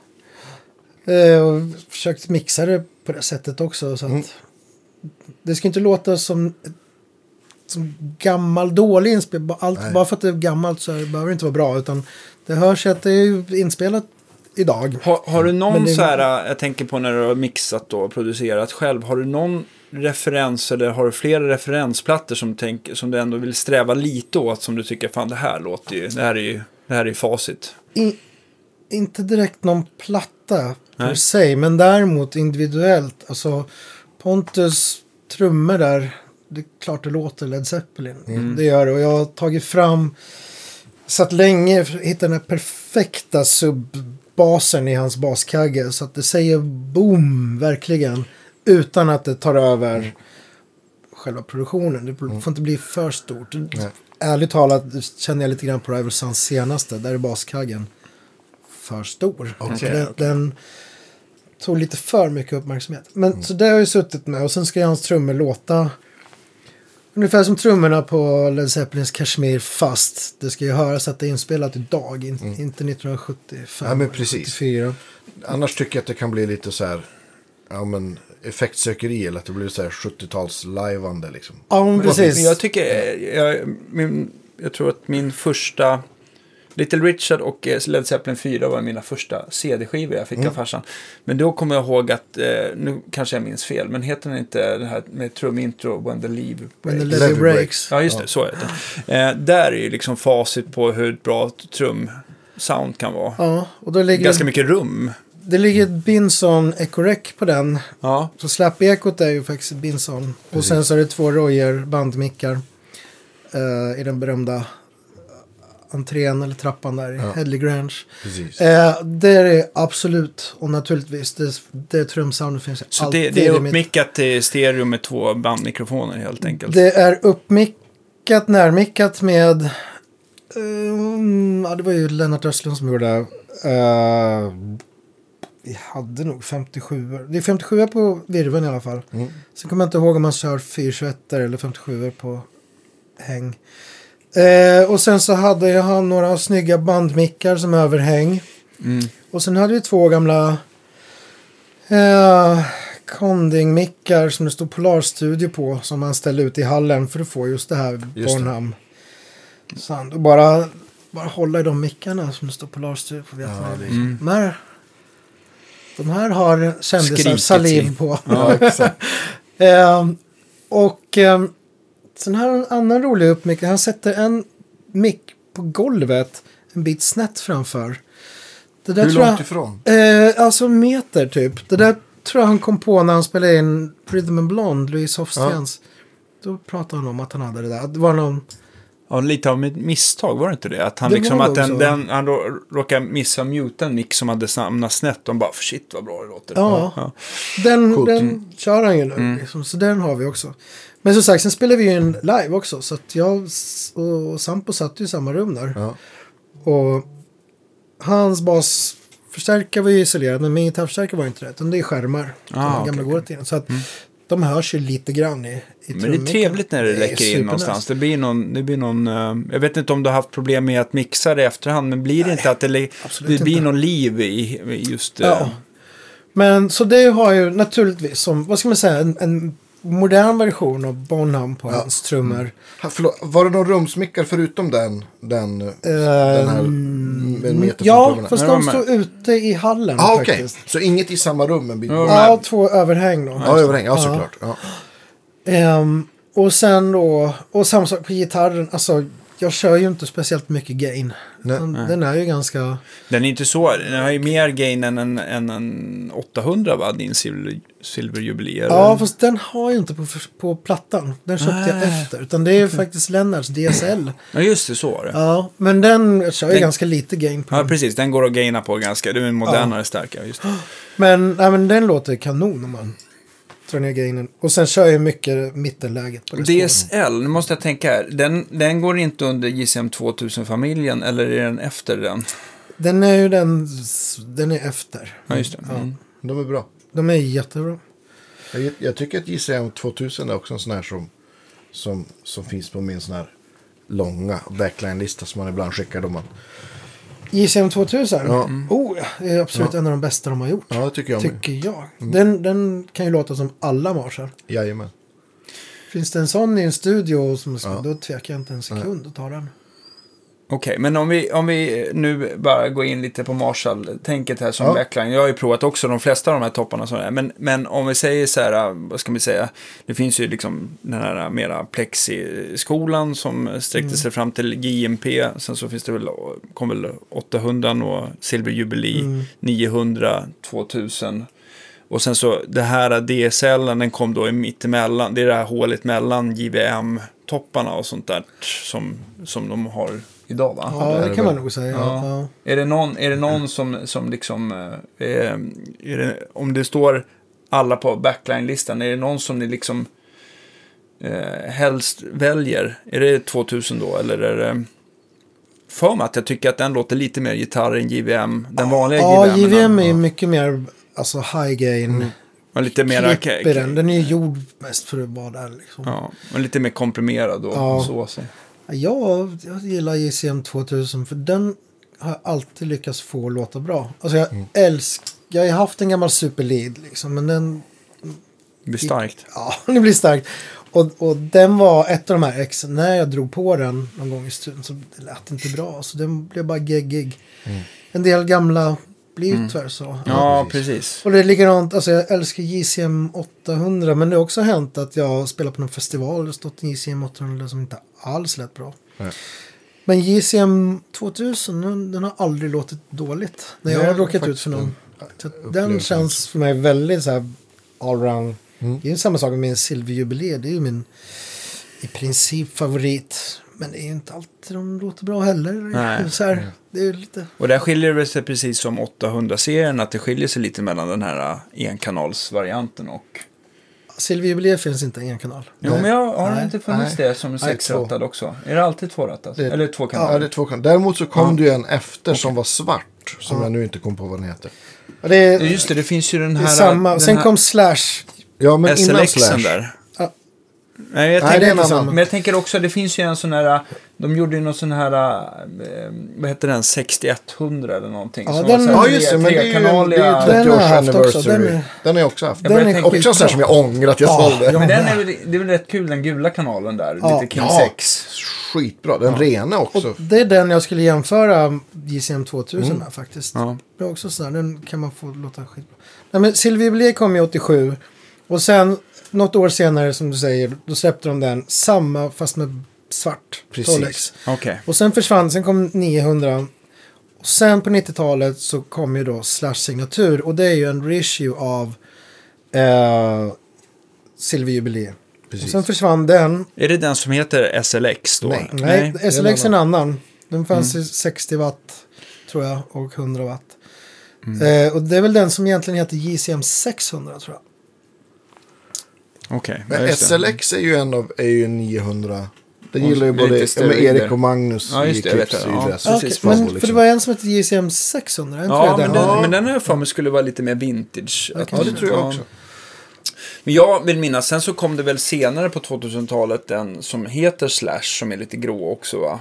Som Nej. inte jag gillar. Ja, Som jag den ja. alltid- A- som- som låter- ska jag, inte for ihåg. Destruction, AFD heter ja, den. just jag, det. jag tycker den, den, i min bok är den hemsk, men jag kanske fick lyssna på ett Mm, jag, dåligt håller- jag ex. håller med dig. Den Ja. fick vi in på Guitar Center på den tiden. Låter så här fult. Jag var inte alls Ja. glad i Men det är den. säkert någon som blir sur på mig, men den... Ja. den, den, den, den, Det är det alltid. Vad man än säger eller tycker så finns Men- det någon som inte tycker så. Ja, Alltså, jo. Jag var ju uppe och knallade på stora scenen på Sweden Rock för några år sedan när Slash spelade där. Mm. Uh, och hälsade på hans gitarrtekniker. Det var ju bara JCM 800-toppar han hade där faktiskt. Mm. Så inte ens hans egen signatur såg jag i alla fall. Nej. Utan det var ett gäng gamla Ja. 800. Finns det någon bra sån rig rundown från ett gäng år sedan. Mm. Då hade han, ja men, några, två tror jag, eller jag tror han hade fyra. Om det var liksom två för dist och så hade han en, eller, eller, och en spare för rent. Och de hade starkare rör typ. Mm. Ja, Eh, okej. Vad Ja. heter de? Ja, 65, 65, 50, 50 tror jag. Men det är konstigt tycker jag att många väljer de där uh, high, alltså som, som sitter Ja. till exempel i SVT Classic för dem. För att, hur ska man säga, stärkan kan ju ändå inte vad heter det, styra ut dem fullt Nej, ut. Precis. Så att, det, ja. Eh, och, ja. Men Vi sen stannar i där. slutändan är det ju alltid lådan. Ja, Eller hur? det är ju- Jag menar, det här Marshall-soundet som jag älskar, det gamla vintage-soundet med en peak runt 800 Hz där, Mm. nästan det här wah-wah Mm. cock-soundet Ja. som det heter. Alltså du får ju fram i greenbacks mycket, mycket lättare än i en, i en vanliga Celestion G75 till exempel. Mm. För de har inte alls samma mid där. Nej. Eh, så det, är liksom, det är också en sån här grej, apropå nörderi, men tog ett tag innan jag riktigt fattade det där. Att Alltså fasen, högtalaren har ju mycket Ja, större eh, påverkan. precis. Ja, ja, men jag tänker folk brukar nörda in sig på rör och framförallt Ja, ja, vad det kan vara mikrofoner och strängar och sånt där. Va? Det gör ju enorm skillnad. Ja, Och egentligen en, en sån här typ av filtrering som inte riktigt går att ratta fram på den Nej, befintliga precis. Precis. heller. Va? Så att, Det är mycket mer raffinerat än så. ja. ja, ja. Du pratade om, om, om IRs förut. Har du, Mm. har du, vilka, vad gillar du? Jag är ju lite så här, även om jag använder nya grejer så är jag lite konservativ i alla fall. Så Ja. det är ju det, är det gamla Marshall slash Celestion som gäller. Ja. Så de impulserna jag använder hemma, det har jag ju tankat ner från Celestions sida. Ja, det var det jag ville komma till. Om det är det eller Och min favorit är ju då Greenback, alltså G12M. Ja, Upp, den här balanserade uppmickningen då med en Royer 121 och en 57. 57 precis. Eh, det är den som jag kör egentligen. Och den har jag laddat in i en sån här Nux Solid Studio heter den. Okej. Som är Nux eh, eh, det. Den är jättebra i sig, den har ju skitbra. Men du kan ju också koppla upp den i datorn och tanka in egna om du vill. Så det ligger på... Kör du den i din Helix också? Nej, Nej. Använder eller du, ja, IR-impulsen kör jag. Ja. Absolut. Ja, använder Det- du, har du med dig IR IR-impulserna eh, eh, när du kör live? Ja. Ja. ja. Så In, Nuxen är alltid, den är alltid med på bordet eller? Det har varit där lite grann Ja, innan, ja. men nu har jag köpt Helixen. Så Ja, just det. Nu, Ja, men de har så att man kan lägga in alla de där. precis, så jag har tankat in samma där. Aha. Eh, och det är lite jobbigt med alla de här IR, för det finns ju en miljard. och där kan man ju verkligen sitta och nörda. Men, Mm. men jag kör oftast den, för den vet jag. Den Ja, det är samma här. Jag gillar också att de här Celestio-biblioteken är inte Ja. så massiva som jag har något Redwire. Så och det är Ja, så många exakt. som man du vet så här. Man blir tokig. Man de, blir helt tokig. ja, de har flyttat en mix här, en Ja. centimeter i taget. Det, nej, jag kör den också. Ja, de, det, Celestions egna tycker jag är svinbra. Alltså. Ja. Mm. Finns på deras hemsida. Och de gör också oftast ganska, eller ganska ofta sådana här drives som man kan köpa dem köpa väldigt billigt. Då. Ja. Och då, Få en greenback på köpet. Ja, jag, Precis. jag köpte då, man kan köpa så här trepack. Ja. Det gjorde jag. Jag köpte då G65 och så då Greenbacks och Ja. sen så Celestion Vintage. Mm. Fast det är Greenbacks som jag använder Ja. nästan hela tiden. Men ehm, ja, det är ju en revolution. Det, det älskar jag. Jag är så glad över det där. Det är ändå Ja. så här kul att de satsar på en sak som egentligen ska liksom, ehm, vara ett alternativ till det de redan säljer. Ja, Ja, men det är bra. ja, ja, Ja. visst. ja, Ja, de måste ju anpassa sig. Följa med. Precis. Ja, Det är, um, ja, men vilken otrolig skillnad det är mot innan när det fanns. Det fanns ju jättebra högtalarsimulatorer och men de som ligger i Helix eller de senaste poddarna, de, de låter ju bra. Men det går inte att jämföra med en, en Ja, det är ett snäpp till. Ja, verkligen. Så det är otroligt bekvämt för oss gitarrister. Liksom. Man kan sitta hemma och göra alla gitarrpålägg istället för att... När du har gjort eh, gitarrpåläggen hemma, har du reampat din eh, silverjubilee eller någonting sånt där? Nej, Nej. För, den, Nej. för den står in i en låst replokal på Söder och Okej. kommer inte åt den utan att ha tagit nyckel och kodkort och, Ja, och sitta där och, och på nätterna och micka upp. Och, Mm. jag är lite för lat för det. Det blir lätt att man sitter i sin gitarrstudio och gör sådana pålägg liksom med med Helix eller några pluggar eller Mm. i mitt fall, jag som sagt, jag använder nu jättemycket den här AMT rörpreampen och sen Just så det. igenom då Celestions IR. Och så lite lösa pedaler. Mm. Jag kan inte komma på vilken butik i stan som, eller i Sverige som tar in de där AMT. Jag tycker det är sällan Det deluxe. är ingen som gör. Jag har köpt dem direkt från Ryssland faktiskt. Ja. Eh, de som har köpt nya, om jag har köpt någon begagnad så är det för att jag hittat på. Mm. Ehm, konstigt nog, för de är väldigt, väldigt bra faktiskt. Ja. Får se om någon rekommendera. Precis. snappar upp. För det är väl inte några jättebilliga pedaler heller i pedaler. Nej. Utan det är väl runt en 4000 kan jag tänka mig. Ja, deras, Mm. de här uh, preampsen, de ligger på nästan 4,5 tror jag. Mm. Nya. Jo, nu kommer jag på en sak. Mm. Har, du, har du någon så här page wiring på någon Les Paul? Så att du, med alla push-pull? Inte nu, men jag har Nej. haft. Ja. Så den första Les Paulen som Simon Duncan då fixade mickar till mig, Ja. jag hade det på två. Då eh, satte de dit, det för det hade jag sen innan jag bodde i Malmö. Men det där tog jag bort sen faktiskt, för jag använde det aldrig. Men om man, för det, jag, jag tänker på att man kan splitta och fasvända och Ja. ja. serieparallell och allting. Men, men är det någon, är det, om man nu får välja någon av de här eh, typ av eh, switcharna eller kopplingarna. Finns det någon som du ändå kände att du skulle kunna haft användning för eller saknar? Om du Det får välja är- en. Ja, det enda som jag nå- ibland kunde använda det var ju fas. Och det är Fas. faktiskt det som Jimmy Page har på sin number one. Då är det bara fas. Ja. Och sen på hans number two där har han ju alla serier och paralleller. Mm. Men det gjorde ju han på 80-talet. Så det finns ju ingenting sånt på Men, det sättet. men är det på en mick bara han kan vända då eller? Nej, Nej, då, men- det är men- mi- mittenläget. Ja, det är Mitten- mittenläget. mittenläget ja, ja, så vänder man ju, alltså, då vänder man ju till exempel halsmicken då, plus och minus. Där. Precis. det. Fast nej, alltså jag använder aldrig det. Mm. Jag, alltså i det där mittenläget på Les Paulen, om man har ett ganska bright sound, då får du det där klucket som jag gillar. Ja. Ändå Jimmy. Page-klucket. Och som sagt, när man lyssnar på gamla Led Zeppelin, en del tror att han har fasvänta, men det har han inte, för då hade han inte den funktionen. Aha. Men vad jag upptäckte och anledningen till att jag sen, när jag beställde, jag beställde två till om de här mickarna då av Simon Duncan. Och då sa jag till honom att jag vill inte ha four conductors, jag vill ha Två. Ja, därför att jag märkte det på den här Les Paulen som jag hade det att när jag satte i då fyra push-pull-puttar och körde split då förlorar man någon slags signal även när du kör i handbackeläget. De lät tunnare. Jag vet inte om det stämmer eller om jag inbillar mig men jag fick den feelingen. Så, Att, så, att, att det blev lite så här, nästan single coil, eller för mycket åt single coil-läget även när du kör i, i handbackeläge. Mm. Och det där har jag aldrig känt annars. När, jag- Ja, så att, jag tror att det är egentligen inte själva lödningen, vart den, om den hamnar i micken mellan spolarna eller att den hamnar nere vid switcharna, även om Ja. du inte använder den. Va? Utan jag tror att när du har en sån här pushback-kabel som är så här braided och så är det en signal i mitten, Ja. att den löds då löds ju liksom minus eh, rakt ner i, eh, vad ska man säga, själva den här bottenplattan på micken. Ja. Och det brukar man som en telecaster eh, gjorde eller någonting.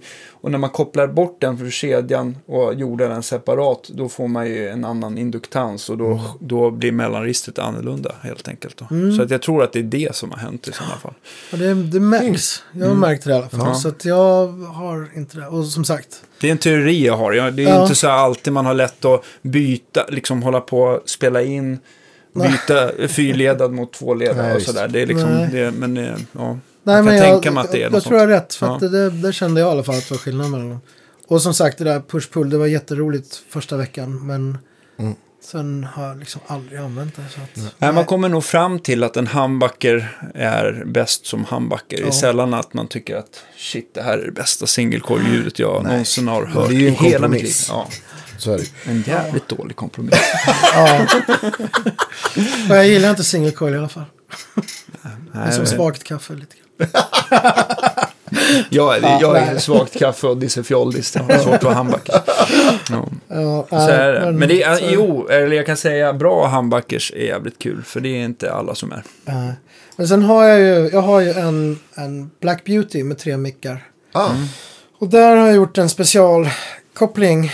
Att eh, mittenmicken går till eh, den översta tonkontrollen. Så den är helt enkelt en volymkontroll för den. Mm. Så den är oberoende av mix-switchen. Ja, så du kan Den blanda in den. Precis.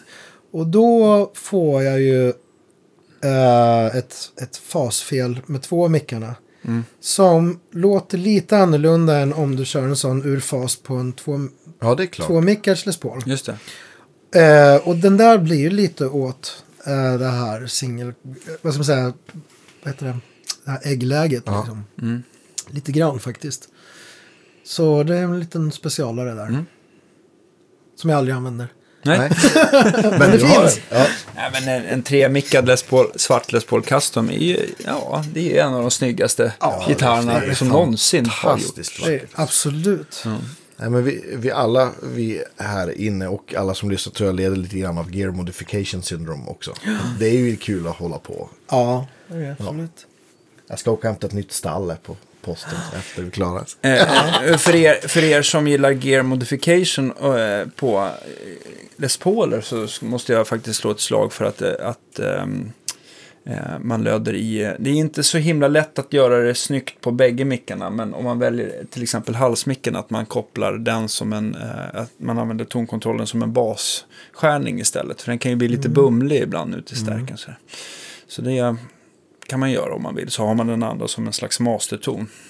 För baskontrollen måste du lägga, för att den ska funka optimalt tycker jag i alla fall, så måste du lägga den innan volymkontrollen. Eftersom Les Paulen har två volymkontroller så blir det svårt att göra det på bägge mikrofonerna. Ja, dagens tips. Ja. Det har jag aldrig hört förut. Inte jag heller. Nej. men det, den är bra. Kan man ta bort lite av den här, alltså, ja, det är väl, den, det, är väl det stora Gibson-problemet just att den kan bli lite för tjock. Alltså halsmicken om Ja, man ska ställa precis, in ja, ett ja. ljud det för var ju ställmicken. mitt problem. Det var därför jag Ja. approachade Mr. Duncan. Ja. Det var faktiskt det. Och det går ju faktiskt om man, om man är, orkar testa sig fram och lägga en liten kondensator, eller liten, det behöver inte vara så liten, men några, man kan experimentera allt mellan en halv till eh, 20 nanofarad, att man lägger den i serie med halsmicken för att skära just lite bas. Just det. Ja, Så kan man ta bort lite där också.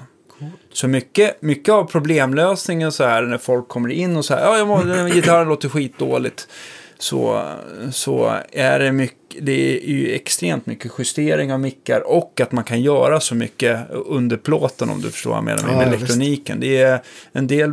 Ja, Och höjd på mycket tror jag Ja, också det, många det, inte det, på. ja, Det det är så gör stora, alltså. jättestor skillnad. Och en humbucker tillåts ju också, eftersom den inte drar i strängarna, att du kan också experimentera att lägga dem lite närmare än vad man kan med en, Mm. en Stratocaster också. Utan och att, just om du har en bumlig halsmick på en Les Paul så kan du sänka micken och sen skruva upp eh, skruvpolerna. absolut. Då får du lite mer twang.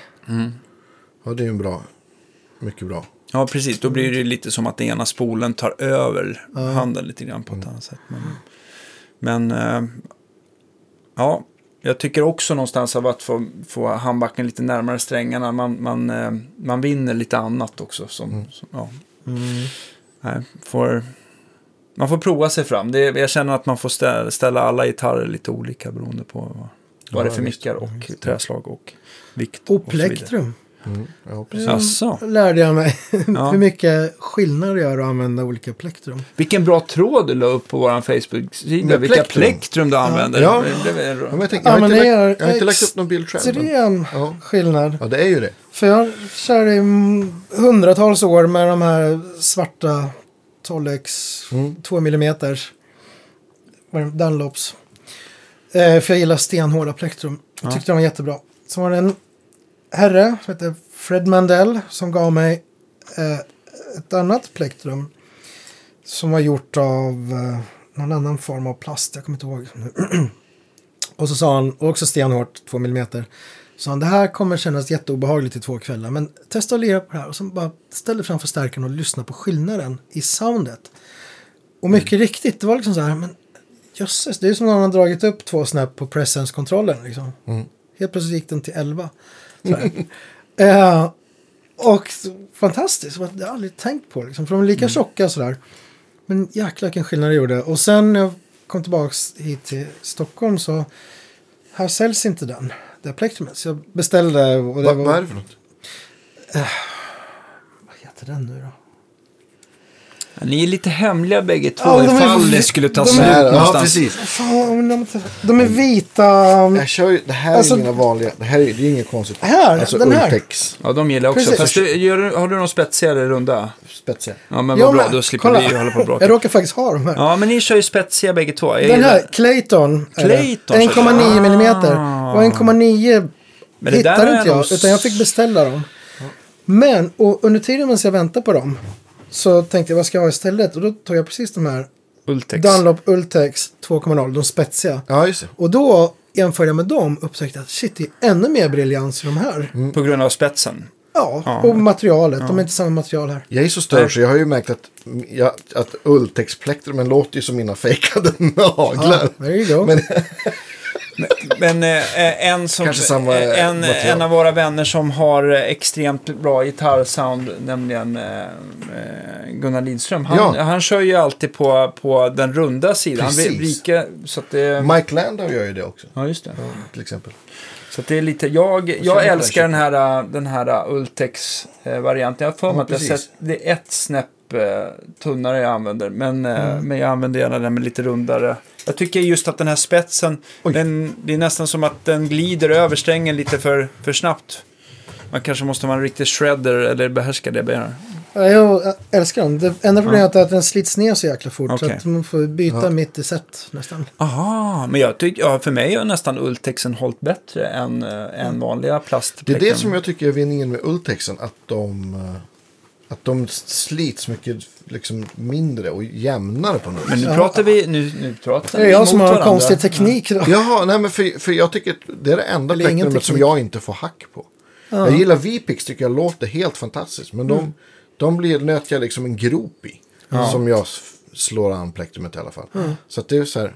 Ja, det är, och det, de är ju rätt eh, dy, eh, tråkiga att tappa bort också. Ja, exakt. Och de, de kan man ju, jag brukar fila dem med nagelfil, liksom, kan man ju fixa till dem. Men, men det är inget man gör under ett gig. Och det är verkligen så att jag känner att det fastnar. Liksom, så att, Har du provat de här chicken picks då? nej, Nej, för de ska ju också hålla lite bättre. Du kan få prova det här Mm. ute. Eh, det är lite grann, så- jag tänker så här, plektrum och strängar känner jag att det är lite samma sak. Det är rätt skönt att kunna få tag i dem lite varstans. ja, men det är det Ja. jag känner också. Det, att man inte, står där, de- man inte står där med någon obskyr sharkfin som gjordes som 1974. görs på Jupiters tredje måne. Ja, ojämna Ja. datum. Den med här neongröna Sharkfin som är 0, som är bladlull, Ja, bladguldsmjuk. Ja. Jag har faktiskt försökt många gånger att börja lira på så här Herco Flex. Herco 75, eftersom Jimmy Page gjorde det naturligtvis. Ja. Men liksom i princip alla på 70 och 80-talet, Ja. även Van Halen körde sådana Ja. där. Eh, och de har också en otroligt cool briljans i soundet. Om man nu sitter hemma och jämför. Men jag, jag kan bara, de är för mjuka för mig. Jag får bara inte till det. Och det, jag gör ju absolut ingen shred. Jag spelar ju aldrig fort sådär. Men det känns ändå som de inte riktigt hänger med Ja. på något sätt. Eh, jag tänker på med de som inte har den här spetsen, utan de är mer klassiska eh, formen då, då Mm. så kan man väl i alla fall konstatera att ju tjockare plektrumet blir, desto mindre övertoner blir. Eller är det någon som säger emot? Ja, men det var det jag märkte när Fast det blir olika. ja, men just om när jag man bytte tänker... Om man från tänk, de här eh, svarta Dunlop. Ja. För de är ju ganska runda och tjocka. Ja. Att just att, vilken skillnad det blev i övertoner. just det, men jag, jag tänkte mest om du tänker att du utgår från exakt samma form på plektrumet. Ja. Att, men bara tjockleken så upplever jag på de här mörklila Dunlop. ja, just det. Så de- är de mycket mörkare soundet än motsvarighet som ligger runt en millimeter. Ja, men precis. Ja. Däremot så om man, om man tar liksom ett, ett V-pick och, och liksom på Akigura så, så har ju den liksom har ju den som övertoner som ett så här lövtunt Dunlop har. Aha, Fast ja, man det, har men- liksom mycket mer kropp. Jo, jag visst, men det är olika Ja. material gör Ja, ju... men precis. Ja. det är en helt annan Ja. diskussion. Ja, men jag tänkte just bara om man har det samma material och samma eh, form på Ja. plektrumet så har jag fått den uppfattningen i alla fall. Jag har massa konstiga plektrum. Jag har filtplektrum. Ja, ja. Och så har jag något plast, alltså ett vanligt plektrum som är klätt med filt. Som du har klätt med filt. Nej, jag har köpt den någonstans. Okej. ja. Vilken filt är bäst? Ja, precis. Ja. Så från en Amazon från 67. Vi kan återkomma med vårt filtplektrumtest här. Vi får filttest. Ja, exakt. Filtplektrumtest. Flisplektrum. bra. Ja, flisplektrum, ja, det är nästa. Har vi. Ja, det blir... kommer vi bli ekonomiskt oberoende. Ja, absolut. Ja, men stort tack för idag. Ja, Skicka verkligen, vad kul. Tack själv. Vi, eh, Jättekul att nörda loss. Ja! Ja, Hurra! Mycket, alltid bra. Vi ses igen nästa vecka. Absolut. Det gör vi. Hej då! Ha det bra. Hej. Hej!